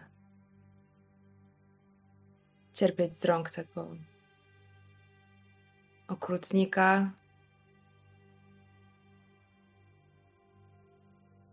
Nie pozwolę, żeby Boni coś się stało. Więc przyjdę do ciebie, ale jeszcze musisz poczekać, kochana. Bonnie też przyjdzie. I Angus, i Enid. Wszyscy przyjdziecie do mnie. Zrobię ten chleb, który zawsze robiłam. Mówiłeś, że taki smaczny. Mam nadzieję, że jeszcze pamiętasz. Przyjdziecie wszyscy do mnie już niedługo. A nim, nim się nie przejmuj. To już nieważne. Nieważne są wasze troski. Ja mogę e, rzucić e, na coś, Oczywiście. bo chciałabym mm, rzucić na e, rozeznanie intencji. W tym sensie mm, pierwszy raz czuję taką nutkę wątpliwości. Nawet nie tego, czy Izenda dobrze życzy mi, ale czy życzy dobrze moim przyjaciołom. Ta informacja, że wszyscy wkrótce dołączymy, mm, no tak, no, mam taką nutkę niepokoju, więc chciałabym rzucić na intuicję. Czy tej osobę rozumiem, że mam minus jeden, tak? Do wszystkich rzutów z, ze względu na e, moją Tak. ranę. Dobra. No, to sześć. Mhm. W przypadku tego przypadkowo odsłaniasz swoje własne motywy. Czyli ja myślę, że ona może wyczuć, że ja trochę mm, zaczynam moje bezgraniczne zaufanie do niej y, może tracić. Ona pokazuje ci dłonie. Patrzy się na ciebie i mówi: Kochane, czy te dłonie, czy ta twarz, czy te usta, czy te oczy, czy te uszy, czy te piersi mogą ci okłamać? i dotyka cię, ale ten dotyk tym razem jest elektryzujący. To nie jest dotyk Isendy. Widzisz, jak jej twarz zamiera, a oczy przypominają oczy Chapmana, oczy tamtego obcego. Widzisz na jej twarzy pojawiający się stopniowo szyderczy uśmiech. I w tej samej chwili, jakby za sprawą po prostu oblania wodą dmuchawca, który właśnie traci swoje konkretne części, ta twarz wraca ponownie do twarzy Isendy, a ona odsuwa się od ciebie, odchodzi. Odchodzi, odchodzi w głąb pomieszczenia i widzisz w tym wzroku pożegnanie. Znika. Jan, budzisz się. W tym samym pomieszczeniu jest Boni, która siedzi na krześle z głową opuszczoną tuż obok ciebie. Dalej widzisz Enid na kocu. Każdy z was obniża sobie, Enid, y, obniżasz sobie o dwa, czy podwyższasz sobie stabilność o dwa, y, Bonnie o jeden i tak samo o jeden, y, o jeden Jan. Podwyższam, tak? Tak, podwyższasz. Mhm. W sensie nie tracisz, tylko wraca ci do mhm. spokojniejszego.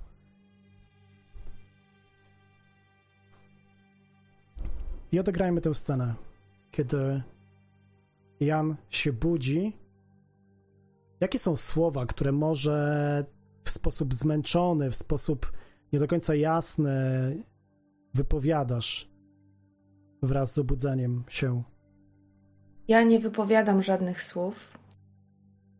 Natomiast na pewno to, co yy, dziewczyny mogą usłyszeć, to to, że zaczynam się poruszać bo moim ciałem wstrząsa taki spazm mm, rozpaczy i takiego płaczu bez łez.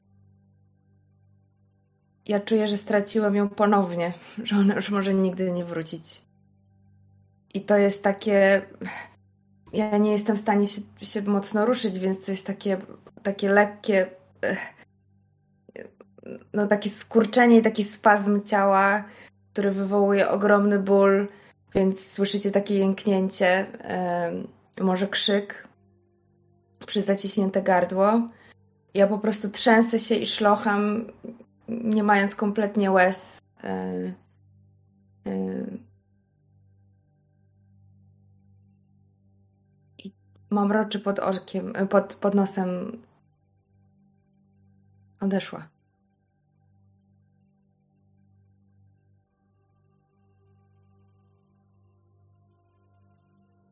No ja kiedy się budzę, to no Jan widzi, że mam e, szarą twarz, podkrążone oczy, pewnie popękane gdzieś naczynka.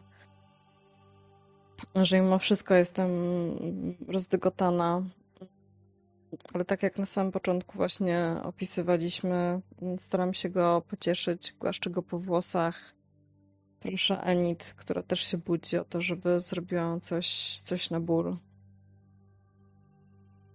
Myślami jestem gdzieś indziej.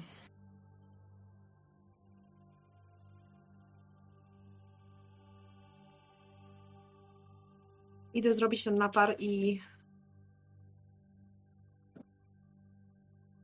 chcę ukryć, jak trzęsą mi się dłonie.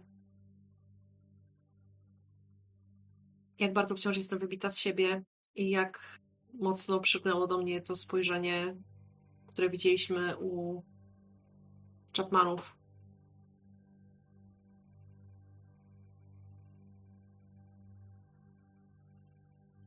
Podaję napar Ian Ianowi. Próbując się opanować. Więc skupiam się na tym, co się z nim dzieje.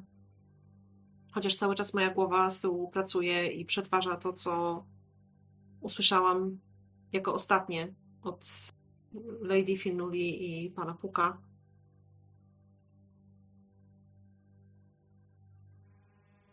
Ja myślę, że gdy się poruszyłem, to ten ból bardzo otrzeźwił mnie.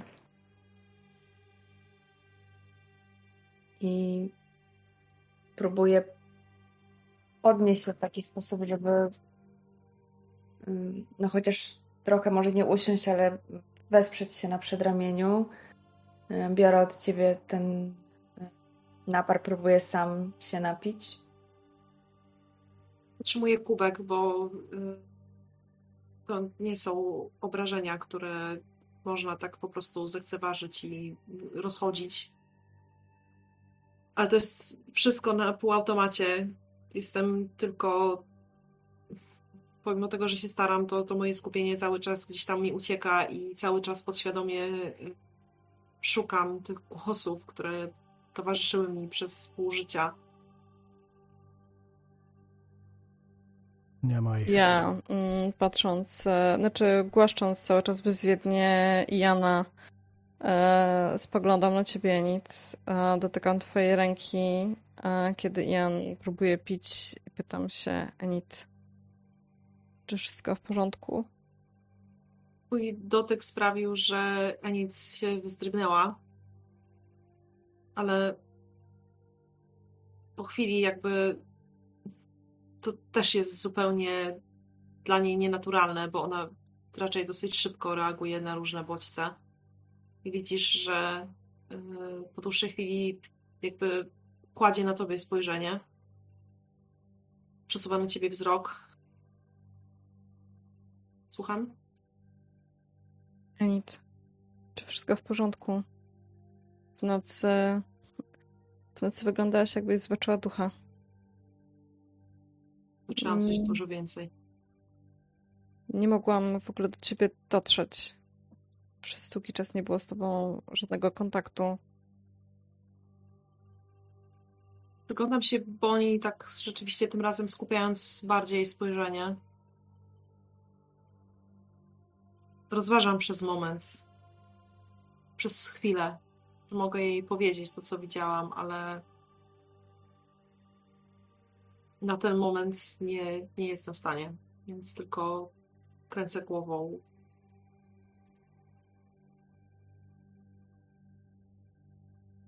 Ja wstaję i mówię: usiądź tutaj, przyniosę ci coś do jedzenia. Musisz coś zjeść. Ja na pewno przyjdę do Enid rano, z samego rana. Jak tylko wstanę. Tak, myślę, że możemy też po tej chwili przebudzenia waszego, kiedy wzajemnie sobie jakoś pomagacie, próbujecie nawiązać ze sobą kontakt, próbujecie jakoś pozbierać myśli, w pewnym momencie słyszycie pukanie do drzwi. Charakterystyczne. Znacie swoje pukania. To ewidentnie Angus. Macie Mm. ustalony jakiś kod. No ja w, pokazuję Enid, żeby mm, usiadła, siedziała, żeby nie wstawała i otwieram drzwi. I tak wstaję. E, ja trochę mm, łapię na chwilę spojrzenie Bony, ale w pewnym sensie trochę ją ignoruję i tak jakby delikatnie odsuwam ręką na bok, po czym wchodzę do izby. E, Szukam e, wzrokiem Enid i kiedy w końcu ją e, znajduję, podchodzę do niej bliżej. Może nawet odrobinę za blisko, także mm, trochę jakby wkraczam w ten, w ten obszar komfortu i tak z góry patrząc na nią cydzę przez zęby. Możesz mi powiedzieć, co to wczoraj było? Dzieciak nie mógł zasnąć przez północy. Płakał całą drogę, kiedy niosłem go na rękach do domu. Przyszedłem do ciebie po pomoc.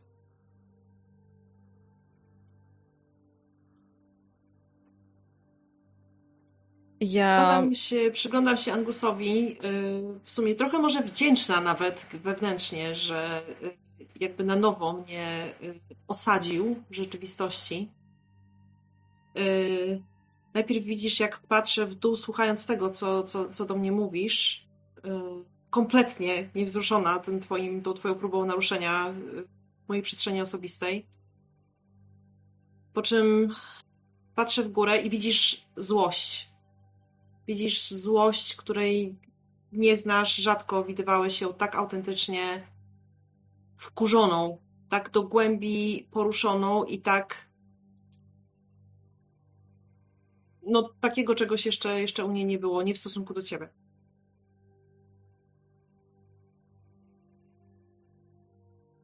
Ja łapię rękę Angusa i mówię Angus, może usiąść przy stole. I patrzę karcącym spojrzeniem. Nie należy mi się jakieś, jakieś wytłumaczenie? Należy. Wczoraj widziałaś tą scenę? Należy, Angus. Ale ciebie tutaj potem nie było. Wszyscy wiele przyszliśmy. Usiądźmy. Sprawy, jakie zagrożenie idzie za tobą, Angus. Jakie znowu zagrożenie? O czym ty mówisz? Co się wczoraj wydarzyło? Co się wczoraj wydarzyło? przyprowadziłem do ciebie moje dziecko. Nie, po to, żeby wcześniej. Się... Powiedziałem ci. To powiedz dzieciak to jeszcze coś, raz. Dzieciak coś znalazł. Dzieciak znalazł coś, w czym grzebał Chapman. Coś, do czego kazał włożyć mu rękę. Przyprowadziłem go po to, żebyś sprawdziła, czy nic mu nie jest, czy nie jest ranny, albo a ty zachowywałaś się tak, jakbyś zaraz miała go wrzucić do tego ognia. To jest tylko dziecko. Enid. On ma kilka lat.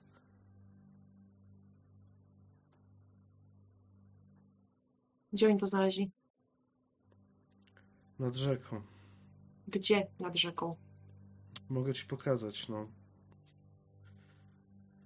Tam Idziemy przy teraz. starej wierzbie. Pokaż mi to. Stoję tak dłuższą chwilę, jakby patrząc, patrząc ci w oczy, tak jakbym z jednej strony z jednej strony jestem wściekły za to, co się wydarzyło wczoraj, z drugiej strony jakby widzę twoją powagę i tak jakby nie bardzo jestem w stanie zdecydować, czy bardziej się wkurzam, czy bardziej trochę ta powaga mnie przestrasza. Ale w końcu daję tylko gest głową i mówię, chodźmy. Boni wzdycha, rozkłada ręce i mówi Jan chyba nigdzie nie pójdzie. Zostań nie, nie idźcie tam. Co?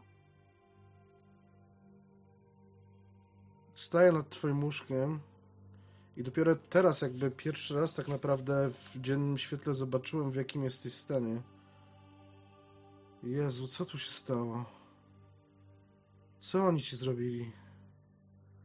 Kto ci to zrobił? I patrzę tak na, na, na, najpierw na Iana, potem na Enid, potem na Bonnie.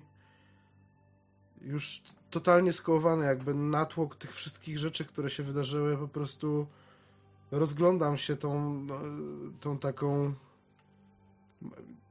Kiedy moja. Kiedy, kiedy nie wiem, co zrobić, kiedy jestem przestraszony, ta gęba zaczyna wyglądać trochę jak taka twarz dziecka właśnie. Ja mm, znaczy wzdycham ponownie i mówię, nie chciałam ci wczoraj mówić przy twoim synu. Jezus Padł w ręce Forbesa, który prawie go zakatował batem. Postanowił przypomnieć, y, kto tu rządzi. Kurwa, gdybym był tam wczoraj. Ale. Ktoś, ktoś, powinien skręcić mu w końcu kark. No to jest zadanie na najbliższe dni, natomiast w tym momencie mamy dosyć istotne sprawy na głowie. Dlaczego mamy tam nie iść? Patrzę na Jana. Jakby w ogóle zapominając o tym, że jeszcze chwilę temu nie dawałam ja, mu pić. Ja czuję że to nie jest najlepszy pomysł teraz. że to jest jakieś zło, które się rozleje. Kładę ci delikatnie taką tą, tą ogromną łapę na czole. Jan jest... Majaczysz, ledwo żyjesz, musisz odpoczywać. Nie, nie unoś się teraz. Angus, się. Klękam przy Ianie, tak żeby nie musiał się podnosić i nie musiał nadwyrężać y, tej rany, którą ma zamiast pleców. Patrzę na niego bardzo poważnie. Jakie zło, Ian? Nie wiem, ale nawet ty nie dasz sobie ze wszystkim rady. Jan, o czym ty mówisz? Czy to zło ma oczy tego obcego od Chapmanów?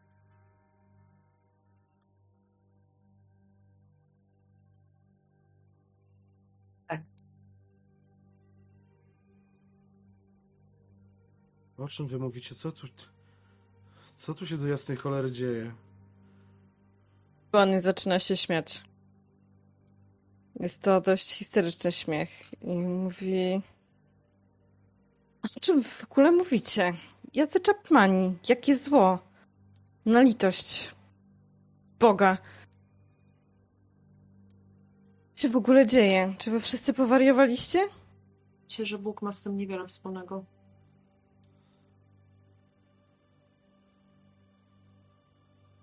Jeśli nie Bóg, to kto?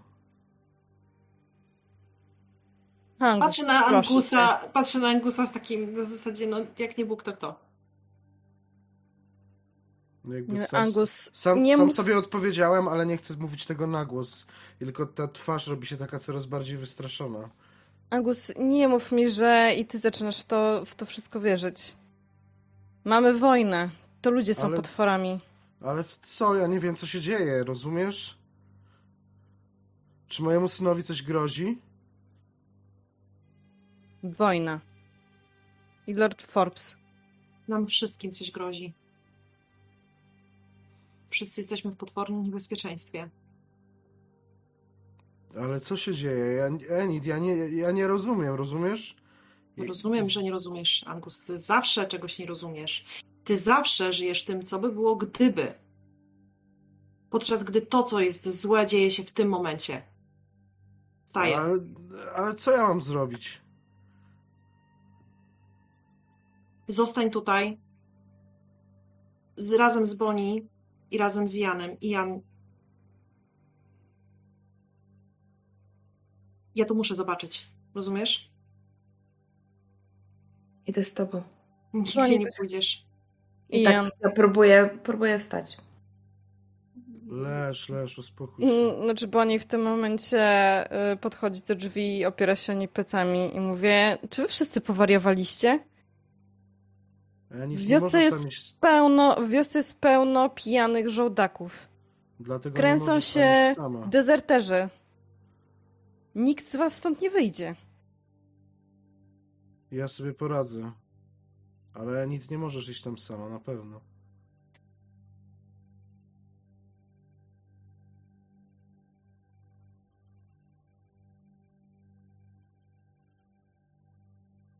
Ktoś to powinien zobaczyć.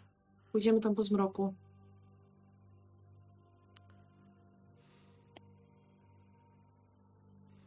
Genialny plan. Mówię sarkastycznie. Barclay mówił, że jakieś dzieciaki się przy tym bawią, że grzebią przy tym. On wsadził w to ręce i Chapman też. To już A się zaczęło. A co jeśli yy, inni. Co się zaczęło, Enid, na litość boską? Co się zaczęło? Powiedz coś w końcu.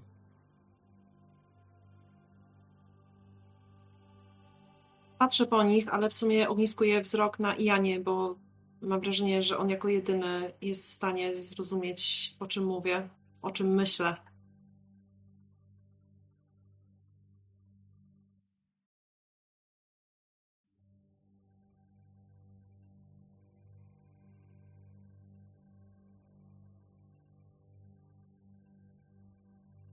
Twoim zdaniem powinniśmy zrobić?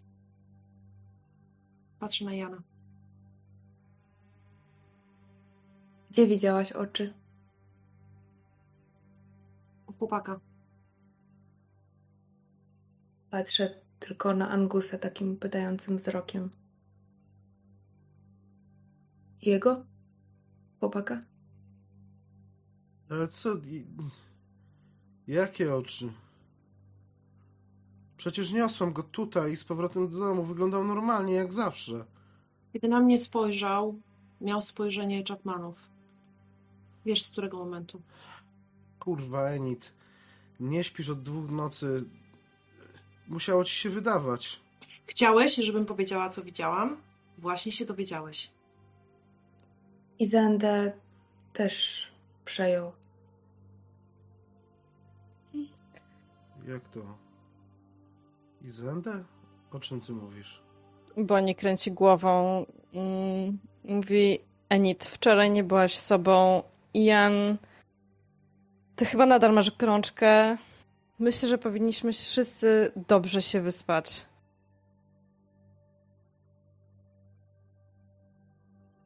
Anit, y, bo nie ma rację. Poczekajmy trochę. Ja nabiorę sił i pójdziemy tam razem.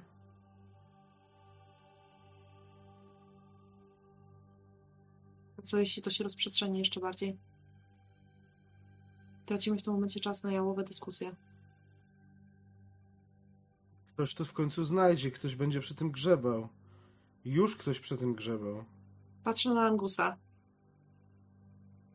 który również przy tym grzebał. Chociaż o tym nie wiem. W, w, właściwie jakby trybiki mogły w tym momencie przeskoczyć i ja w zasadzie przypominam sobie, że ja też to przecież miałem w rękach. I zaczynam blednąć. Teraz to ja podchodzę do Angusa, podnoszę się z kolan, na których y, klęczałam przy Ianie. Widząc jego reakcję, a czytam go, za długo się znamy, żeby mógł ugryźć przede mną takie emocje. Angus, chcesz nam o czymś powiedzieć?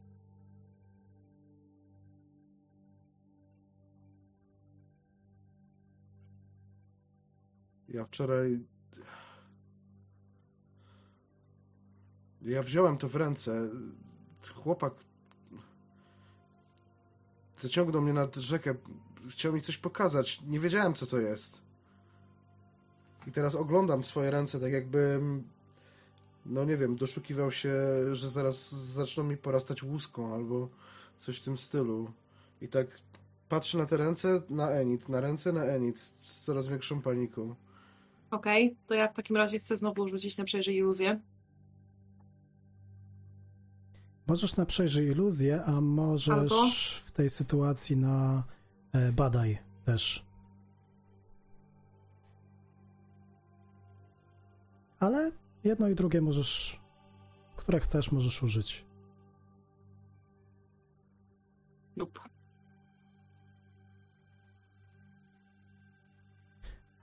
Dobra, e, powiedz mi, zróbmy tak. Najpierw tak powinniśmy zrobić, a potem rzucić, ale w tej sytuacji zróbmy w ten sposób. Opisz, co, w jaki sposób chcesz zobaczyć, obejrzeć te ręce. Wiesz, czy tylko na nie patrzeć, czy je dotknąć do światła, w jaki sposób, jak to wygląda? Wiesz co, nie dotykam. Nie, nie dotykam. Natomiast y, jak Angus je tak nerwowo ogląda, to ja go tak, kurczę, no chciałabym powiedzieć przesuwam, ale y, no nie przesuwam. Każę mu po prostu podejść do okna i jakby w tym świetle chcę zobaczyć jego dłonie. Chociaż już wiem, że nic nie zobaczę. Nie, ale też dłonie kowala spracowane. W niektórych miejscach brudne, ten brud przedostał się już przez naskórek, więc się rzeczy. Nie wiem, nic takiego nie widzisz w nich, co sprawiłoby jakiś twój niepokój.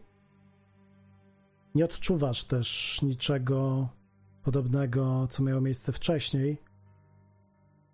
Kiedy patrzysz tak na niego, to przychodzi ci taka myśl, że może on w przeciwieństwie do swojego syna nie zrobił tego w taki sposób jak jego syn. Może to był dotyk tylko po powłoce. Angus, jak to wyglądało?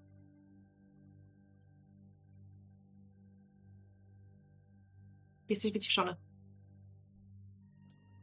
Pomyślisz, że że zwariowałem, ale to wielkości wielkości kapuścianego głąba, ale bardziej jak, jak, jak ciało. Nie, nie umiem tego wytłumaczyć. Dziwne. Wypływało coś z tego. Miało, miało otwór i wypływała z tego jakaś ciecz. Cuchnęła jak jasna cholera. Nawet nie potrafię powiedzieć czym, ale... Nie wkładałeś tam rąk? Nie, jak tylko zobaczyłem, co to jest w świetle księżyca, to po prostu wyrzuciłem to na ziemię. I tutaj zatrzymujesz się, bo właśnie przed twoimi oczami, gdzieś w twojej głowie, najpierw pojawia się dźwięk, a potem pojawia się obraz. Przez chwilę jakbyś ponownie był w tym samym miejscu, w którym 88, 1288, 9 lat temu, kiedy Chapman was nakrył, kiedy synowie Chapmana skopali cię, okładali cię pięściami, a potem, kiedy już oddalaliście się, rzuciłeś jeszcze wzrokiem w kierunku Chapmanów i słyszałeś, co churalnym głosem wypowiedzieli. Przez te lata nie pamiętałeś dokładnie słowa w słowo tego, co wypowiedzieli, ale teraz, teraz, kiedy Enid z tobą rozmawia, jakbyś znowu tam się znalazł. Dosłownie tak jakby rzeczywistość wokół ciebie na te kilka sekund zakrzywiała się, jakby gdzieś za niej w różnych miejscach tego pomieszczenia, jakby przełamywała się przeszłość z tym, co teraz. I widzisz, Enid, że on odpowiedział ci na pytanie, ale zawahał się i w tym krótkim zawahaniu to wszystko się wydarzyło. Przypomniałeś sobie teraz dokładnie, że w momencie, kiedy dotknąłeś tego przedmiotu, nawet delikatnie, smagnąłeś ręką, nagle przeniosłeś się znowu tam. Co robisz, Angus?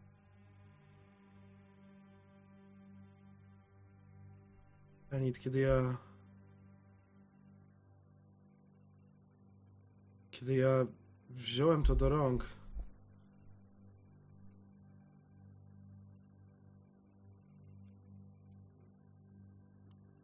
Ja znowu stałem przed domem Chapmanów. Wtedy pamiętam jak. Jak oni mnie tłukli, jak. Jak kopali i. Tak jakbym po prostu włożył głowę pod wodę i zobaczył coś innego.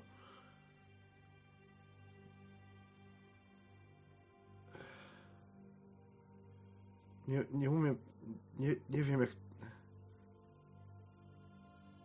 Po prostu tak jakbym znowu tam był.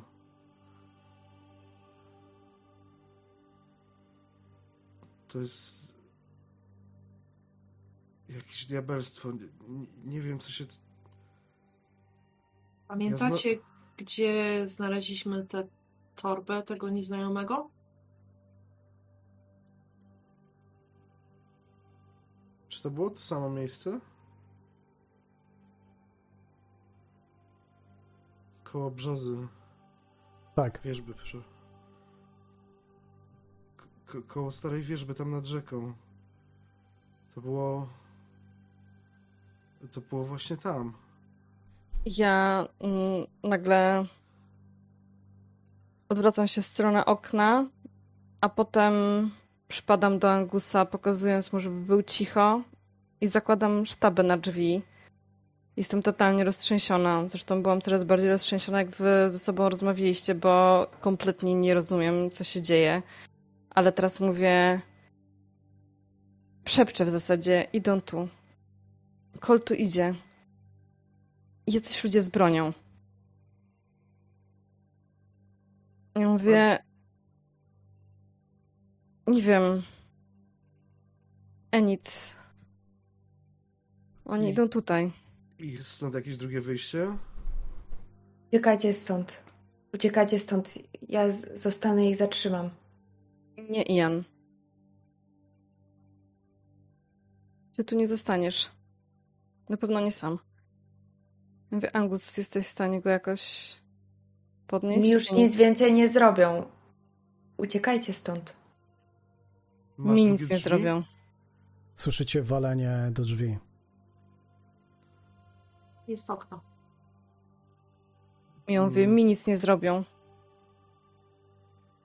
Czyli, czy to okno jest na tyle duże, że, że bylibyśmy w stanie nim uciec? No, Enid pewnie tak. Z Angusem może być różnie. Tak. Słyszycie Ale- walenie drzwi i po chwili słyszycie jak ojciec Kol, głos Kola. Eee, Janie Wallace! Synu! Co z tobą? Enid! Ja, ja mówię, e, szepczę doń gorączkowo wypychając Angusa w stronę tego okna i Enid powiem, że ciebie tu w ogóle nie było, a ty Enid powiem, że wyszłaś po jakieś lekarstwa. Nic mi nie zrobią. No to w takim razie e, próbuję wyczołgać się przez to okno. Mhm. Ja wypycham Enid. Kiedy wyglądasz przez okno, to widzisz, że tuż na rogu tej chaty stoi mężczyzna. Wiesz co, jest to jeden z gości Forbesa, zbrojny. E, ma ze sobą przytwierdzony miecz i nie patrzy się w twoim kierunku, ale każdy ruch przy oknie może spowodować, że zobaczy cię jest blisko, bo to, ta, ta chata nie jest jakoś duża, nie? Więc nie miałby problemu, żeby cię zobaczyć i podnieść tak zwany alarm. Okej. Więc ja mm, próbuję was wepchnąć za zasłonkę i zasunąć. Mhm. Jesteście w tym, w tym pomieszczeniu, gdzie wcześniej był Jan. Jan, co robisz?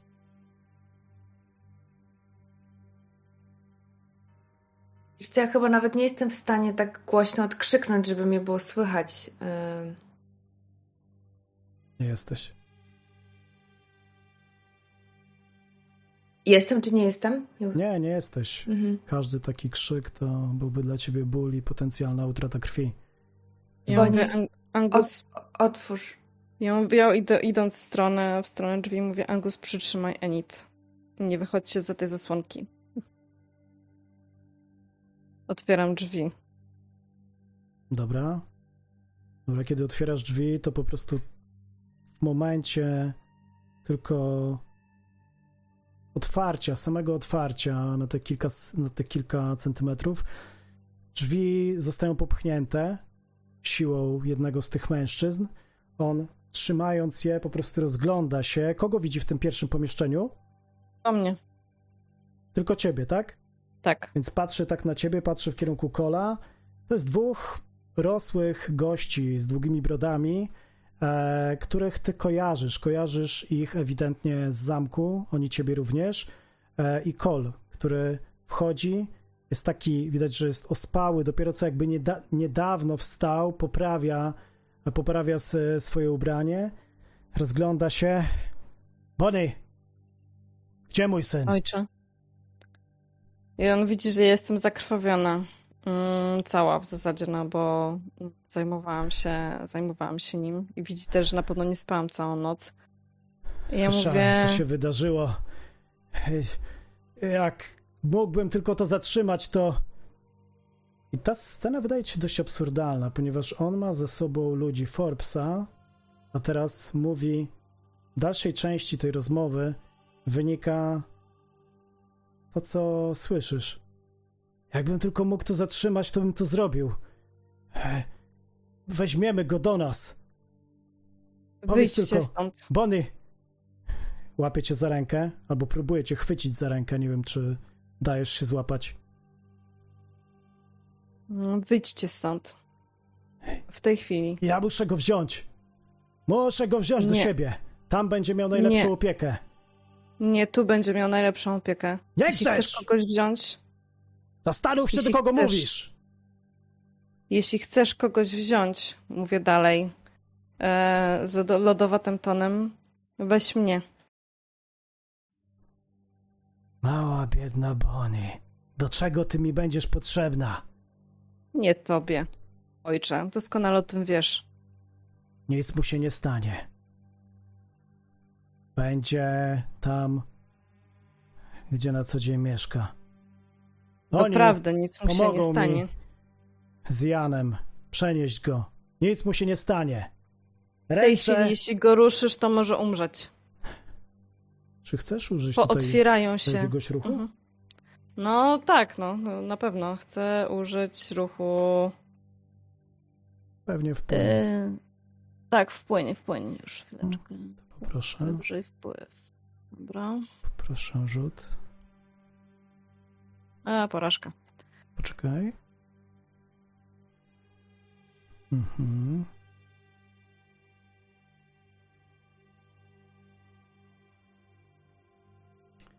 Tak. Okej. Jeśli on będzie chciał mnie przepchnąć, odsunąć czy coś w tym stylu, to stawię opór. Fizyczny. Wiesz co, oni gwałtownie po prostu wpadają do środka. Jest ich dwóch, a w zasadzie trzech, bo sam Cole po prostu staje bardzo blisko ciebie. Nawet jeżeli próbowałabyś jakoś zatrzymać ich, to nie dasz rady. Widzisz, że. Ja jestem totalnie rozdrgotana i rozdrgana, w związku z tym nie zachowuję się w tej chwili racjonalnie. To znaczy, ja zaczynam wrzeszczeć, ale jest to taki pisk i taki wrzask, że no po prostu mm, no histeryczny, tak głośny, że myślę, że połowa osób z wioski mnie słyszy. Oczywiście Cole jest też wytrącony w tej sytuacji. On e, w momencie, kiedy ty krzyczysz, to on dobiega do ciebie, czy wręcz jest bardzo blisko, więc e, więc mm, kładzie ręce, e, kładzie ręce na twoich ramionach, popycha cię w kierunku ściany i próbuje złapać cię za usta, tak żebyś, żebyś nie krzyczała albo żeby cię nie było tak słychać. W Ja sam- jak słyszę tą, y, tą szamotaninę, sz- szamotaninę, to bo rozumiem, że to pomieszczenie jest po prostu przydzielone Tak, zasłonką, tylko i nie? wyłącznie, Tylko i wyłącznie. No to ja czołgam się po prostu, czołgam się i próbuję krzycz, krzyknąć, nie za bardzo mi to wychodzi, zostaw ją. Yy, I czołgam się, ta świeżo zasklepiona rana pewnie otwiera mi się i zaczyna krwawić. Yy, No ja łapię, ja łapię cokolwiek, co było na stole i próbuję uderzyć kola i rzuciłam na prowadź walkę sukces z komplikacjami. Mhm, Ja dobra. wyskakuję w tym momencie za, za tej zasłony, e, wyszarpując miecz. Okej. Zapraszam w takim razie do działania pod presją e, Angus. I w przypadku Bony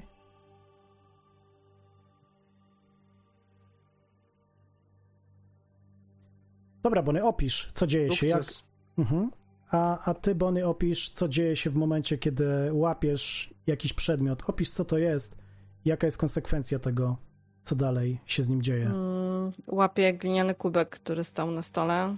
Mm, Kiedy on do mnie podchodzi z rękami, yy, zamierzam się i trafiam go w głowę. Tak, że rozcinam mu na pewno tą glinianym kubkiem czoło. Prawdopodobnie go też trochę zamroczyło, ponieważ jestem całkowicie poza kontrolą.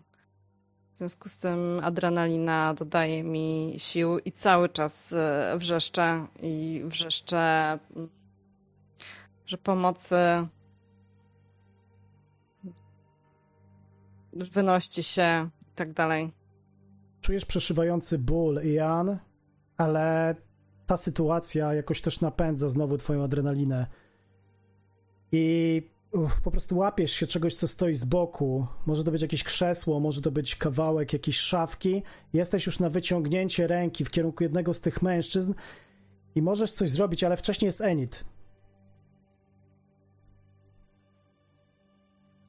Wychodzę za tej kotary, wkraczam tam dosłownie w dwóch krokach, bo to nie jest duża przestrzeń i staję między kolem, Boni i całą resztą. Rozkładam ramiona, Na zasadzie jakby w obronnym geście i mówię, nikt nie będzie przelewał tutaj krwi. Czy to jest jasne? Patrzę głównie na Boni, bo to ona jest najbliżej.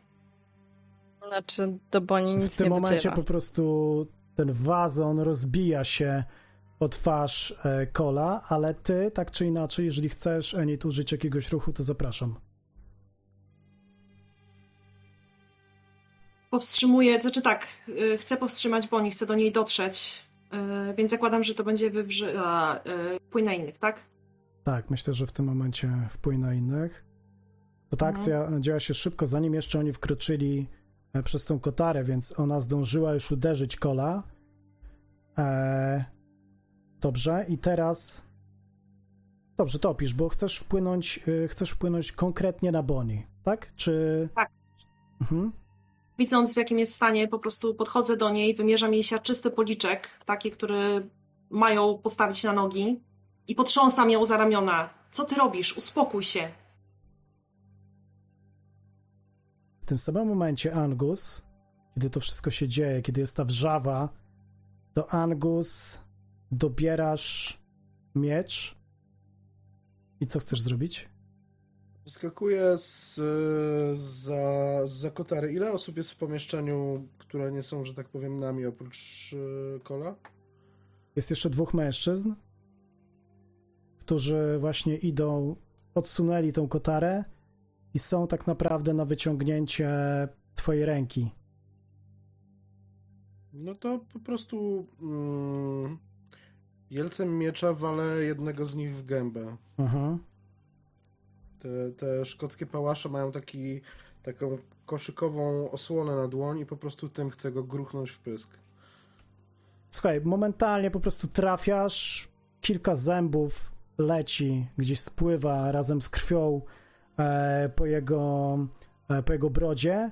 On sam wywraca się, traci kompletnie równowagę. Drugi z nich po prostu rzuca się na ciebie, ale ty cały czas jesteś na tym samym ruchu. Więc możesz kolejną jakąś akcję w ramach tego samego ruchu wykonać. E, chciałbym go uderzyć w skroń. E, tylko idea jest taka, że ja nie planuję ich zabić, bardziej bym chciał ich unieszkodliwić, ogłuszyć. E, cokolwiek. Tak się dzieje. Opisz, jak nokautujesz tego drugiego. Więc po prostu, kiedy, kiedy pierwszy upadł, e, ja odskakuję z, z taką szybkością, którą, która mogłaby być dość niespodziewana u tak dużego chłopa i po prostu chwytam drugiego za brodę e, jedną ręką i drugą ręką e, po prostu tłukę go w pysk, także mm, uderzam go w skroń, tak że po prostu typ mięknie, jak, y, jak tylko moja, moja pięść spotyka się z jego skronią, to widzę po prostu jak głowa mu odskakuje i puszczam tą jego kędzierzową brodę i pozwalam mu gruchnąć jak worek ziemniaków na e, na deski izby. Dwa metry ziemniaków spadają za wcześniejszym gościem i po prostu gruchot zarówno jego jelca, e, lej, jelca, z, zarówno jego broni, jak i jego ciała. I ty w tym momencie, e, Ian, patrzysz na trzymającego się za twarz kola. Obok widzisz dwóch leżących gości, zaciśnięte zęby Angusa, który czeka na jakiś kolejny atak, albo widzi kolejne, czeka na kolejnego przeciwnika, zupełnie jakby instynktownie, niczym zwierzę ruszył i w dwóch posunięciach powalił tych gości. A ty, W Jan? momencie już, w tym momencie już przygotowuję broń jakby do tego, żeby móc y, walczyć. Jednego z tych gości, których powaliłem, dociskałem, kładę mu, but, y, kładę mu stopy po prostu na klatce piersiowej, dociskając go do ziemi. A ty, Jan? Lata podporządkowania i takie, bym powiedziała, p- półwolności y, w życiu na tej plebanii sprawiły, że mm, mm, no Ian y, zdecydowanie boi się ojca Kola i czuje do niego respekt. Natomiast to wszystko to, co się stało i to, że zaatakował Boni I to też, że widzi, że Angus, y, że, że Bonnie miała odwagę, żeby, żeby kola uderzyć. Angus powalił tych dwóch gości. Dało bardzo złudną, ale chwilowe, chwilową myśl y, Janowi, że może oni mają na cokolwiek kurde wpływ. I tak chwyta się tego krzesła, podtrzymuje się jedną ręką, a drugą chce wziąć misę z wodą z, ze stołu, e, którą e, Anit wykorzystywała do tego, żeby mi oczyścić rany. I po prostu chciałabym walnąć tego kola, dobyć go po prostu tą, tą miską w twarz. Dobra, nie musisz tutaj rzucać. On e, patrzy przez palce w twoim kierunku, jakby też instynktownie szukając kogoś, kto mógłby mu pomóc.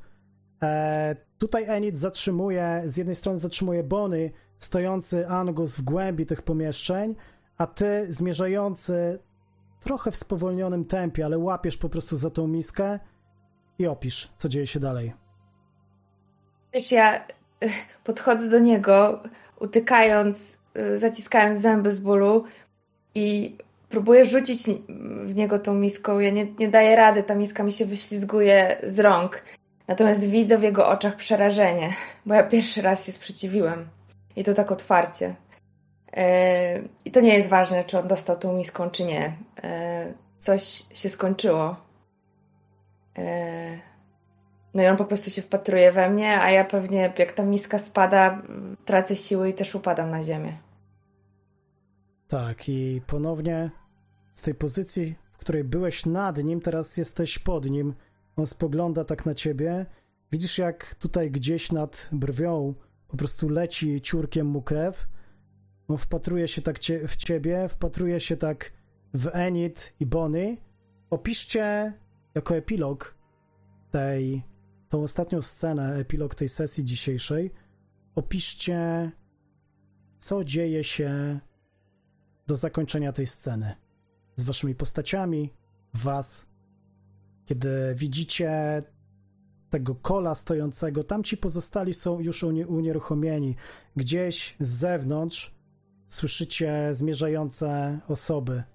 Nie wiecie ile ich jest. Słyszycie tylko szczęk żelastwa, słyszycie rżenie koni, słyszycie jak ktoś pokazuje skąd dobiegał wrzask. Ja, mm, jak widzę, co się dzieje z Janem i że upada, to wymijam Enid, która rzeczywiście trochę, jej czysty policzek trochę spowodował, że mm, otrzeźwiałam. Ale widząc, co się dzieje z Janem, po prostu klękam przy nim i biorę go w ramiona, mówiąc, że nic nie dam cię im. Nic ci nie będzie. Ochronię cię. Jestem tutaj. I zasłaniam go sobą przed ojcem Cole, trzymając go w ramionach. Bonnie jest kompletnie zdesperowana. Jakby wszystko to, co się ostatnio działo, powoduje, że mm, dotyka emocji, z którymi nigdy nie miała wcześniej kontaktu. E, jedyne, co w tej chwili wie, to to, że Ian jest dla niej kimś ważnym um, i że zrobi wszystko, żeby te słowa, które wypowiedziała, były prawdą. Nie chcę go puścić. Tylko to się liczy. Enid?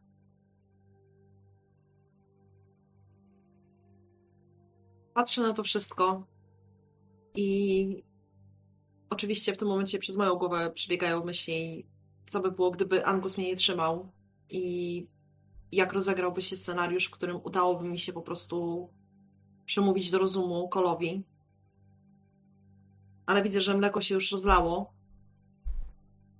i raczej nie uda się nam wyjść z tego, całej tej sytuacji y, bezproblemowo. Więc pomagam wstać Kolowi. Ogarniam wzrokiem całą chatkę. Jak tak podchodzisz do niego, bo on wstał, ty próbujesz Mhm. jakoś powiedzieć, że on faktycznie gdzieś w tym spojrzeniu nad, e, sto, stojąc nad e, w pewnym momencie um, upadającym e, Janem, wi- widzisz, że się zachwiał, bo on nawet może by się wywrócił, ale ty faktycznie go łapiesz. Kiedy, on, kiedy spogląda tak na ciebie, to odtrąca cię. To wszystko przez ciebie, wiedźmo. Wszystko przez ciebie. Zapłacisz za to. A ty, patrzy w kierunku e, w, w kierunku Jana i wychodzi, nie dokończając. Ja staję, pozwalam mu wyjść, natomiast e, zaciskając dłoń na, e, na rękojeści miecza, spluwam po prostu na podłogę i czekam na, na to, aż ktoś tutaj wejdzie, tak? Z kim będę musiał się za chwilę być może mierzyć. Nie, nie, nie. Po tej, w momencie, kiedy. y, dobrze, to jest y, moje pytanie. Jak daleko są jeszcze te kroki, które y, słychać na zewnątrz? Czy to jest tak, że to jest taki gwar, który się przybliża, czy to jest na zasadzie, że już słyszę, że oni są w progu? Nie, w progu nie. Kilkanaście metrów, myślę, od e, chaty. Mhm. Więc w tym momencie, kiedy on mnie odtrącił, to biorę, y, łapię, po prostu to jest odruch. Łapię y, jeden z tych kubków, które stały na stole. To są ciężkie gliniane kubki, tak? To nie są jakieś tam filigranowe filiżaneczki. I po prostu roztrzaskuję mu ją na głowie. On się, wywr- on się wywraca, uderzając w ogóle swoim ciałem e, tuż, e, tuż na progu. Ci, którzy są przed chatą, widzą tylko upadającego pod wpływem uderzenia twojego, bo widzą też jak widzą jak w progu gdzieś po prostu, może nie przy samym progu, ale gdzieś trochę w głębi te, tego, e, tej chaty, jak uderzasz go. Ileś patrzących oczu to widziało. W tej chwili, w tych nerwach, nie jesteś w stanie do końca powiedzieć, kto widział, ile ich było, ile ich jest. Natomiast on podnosi się i zaczyna wychodzić stamtąd. Nie odkręca się w waszym kierunku, nic nie mówi. Słychać tylko po prostu takie rzężenie. Słychać, że ta cała sytuacja sprawiła mu ból. Widzisz, jak krew e, z jego głowy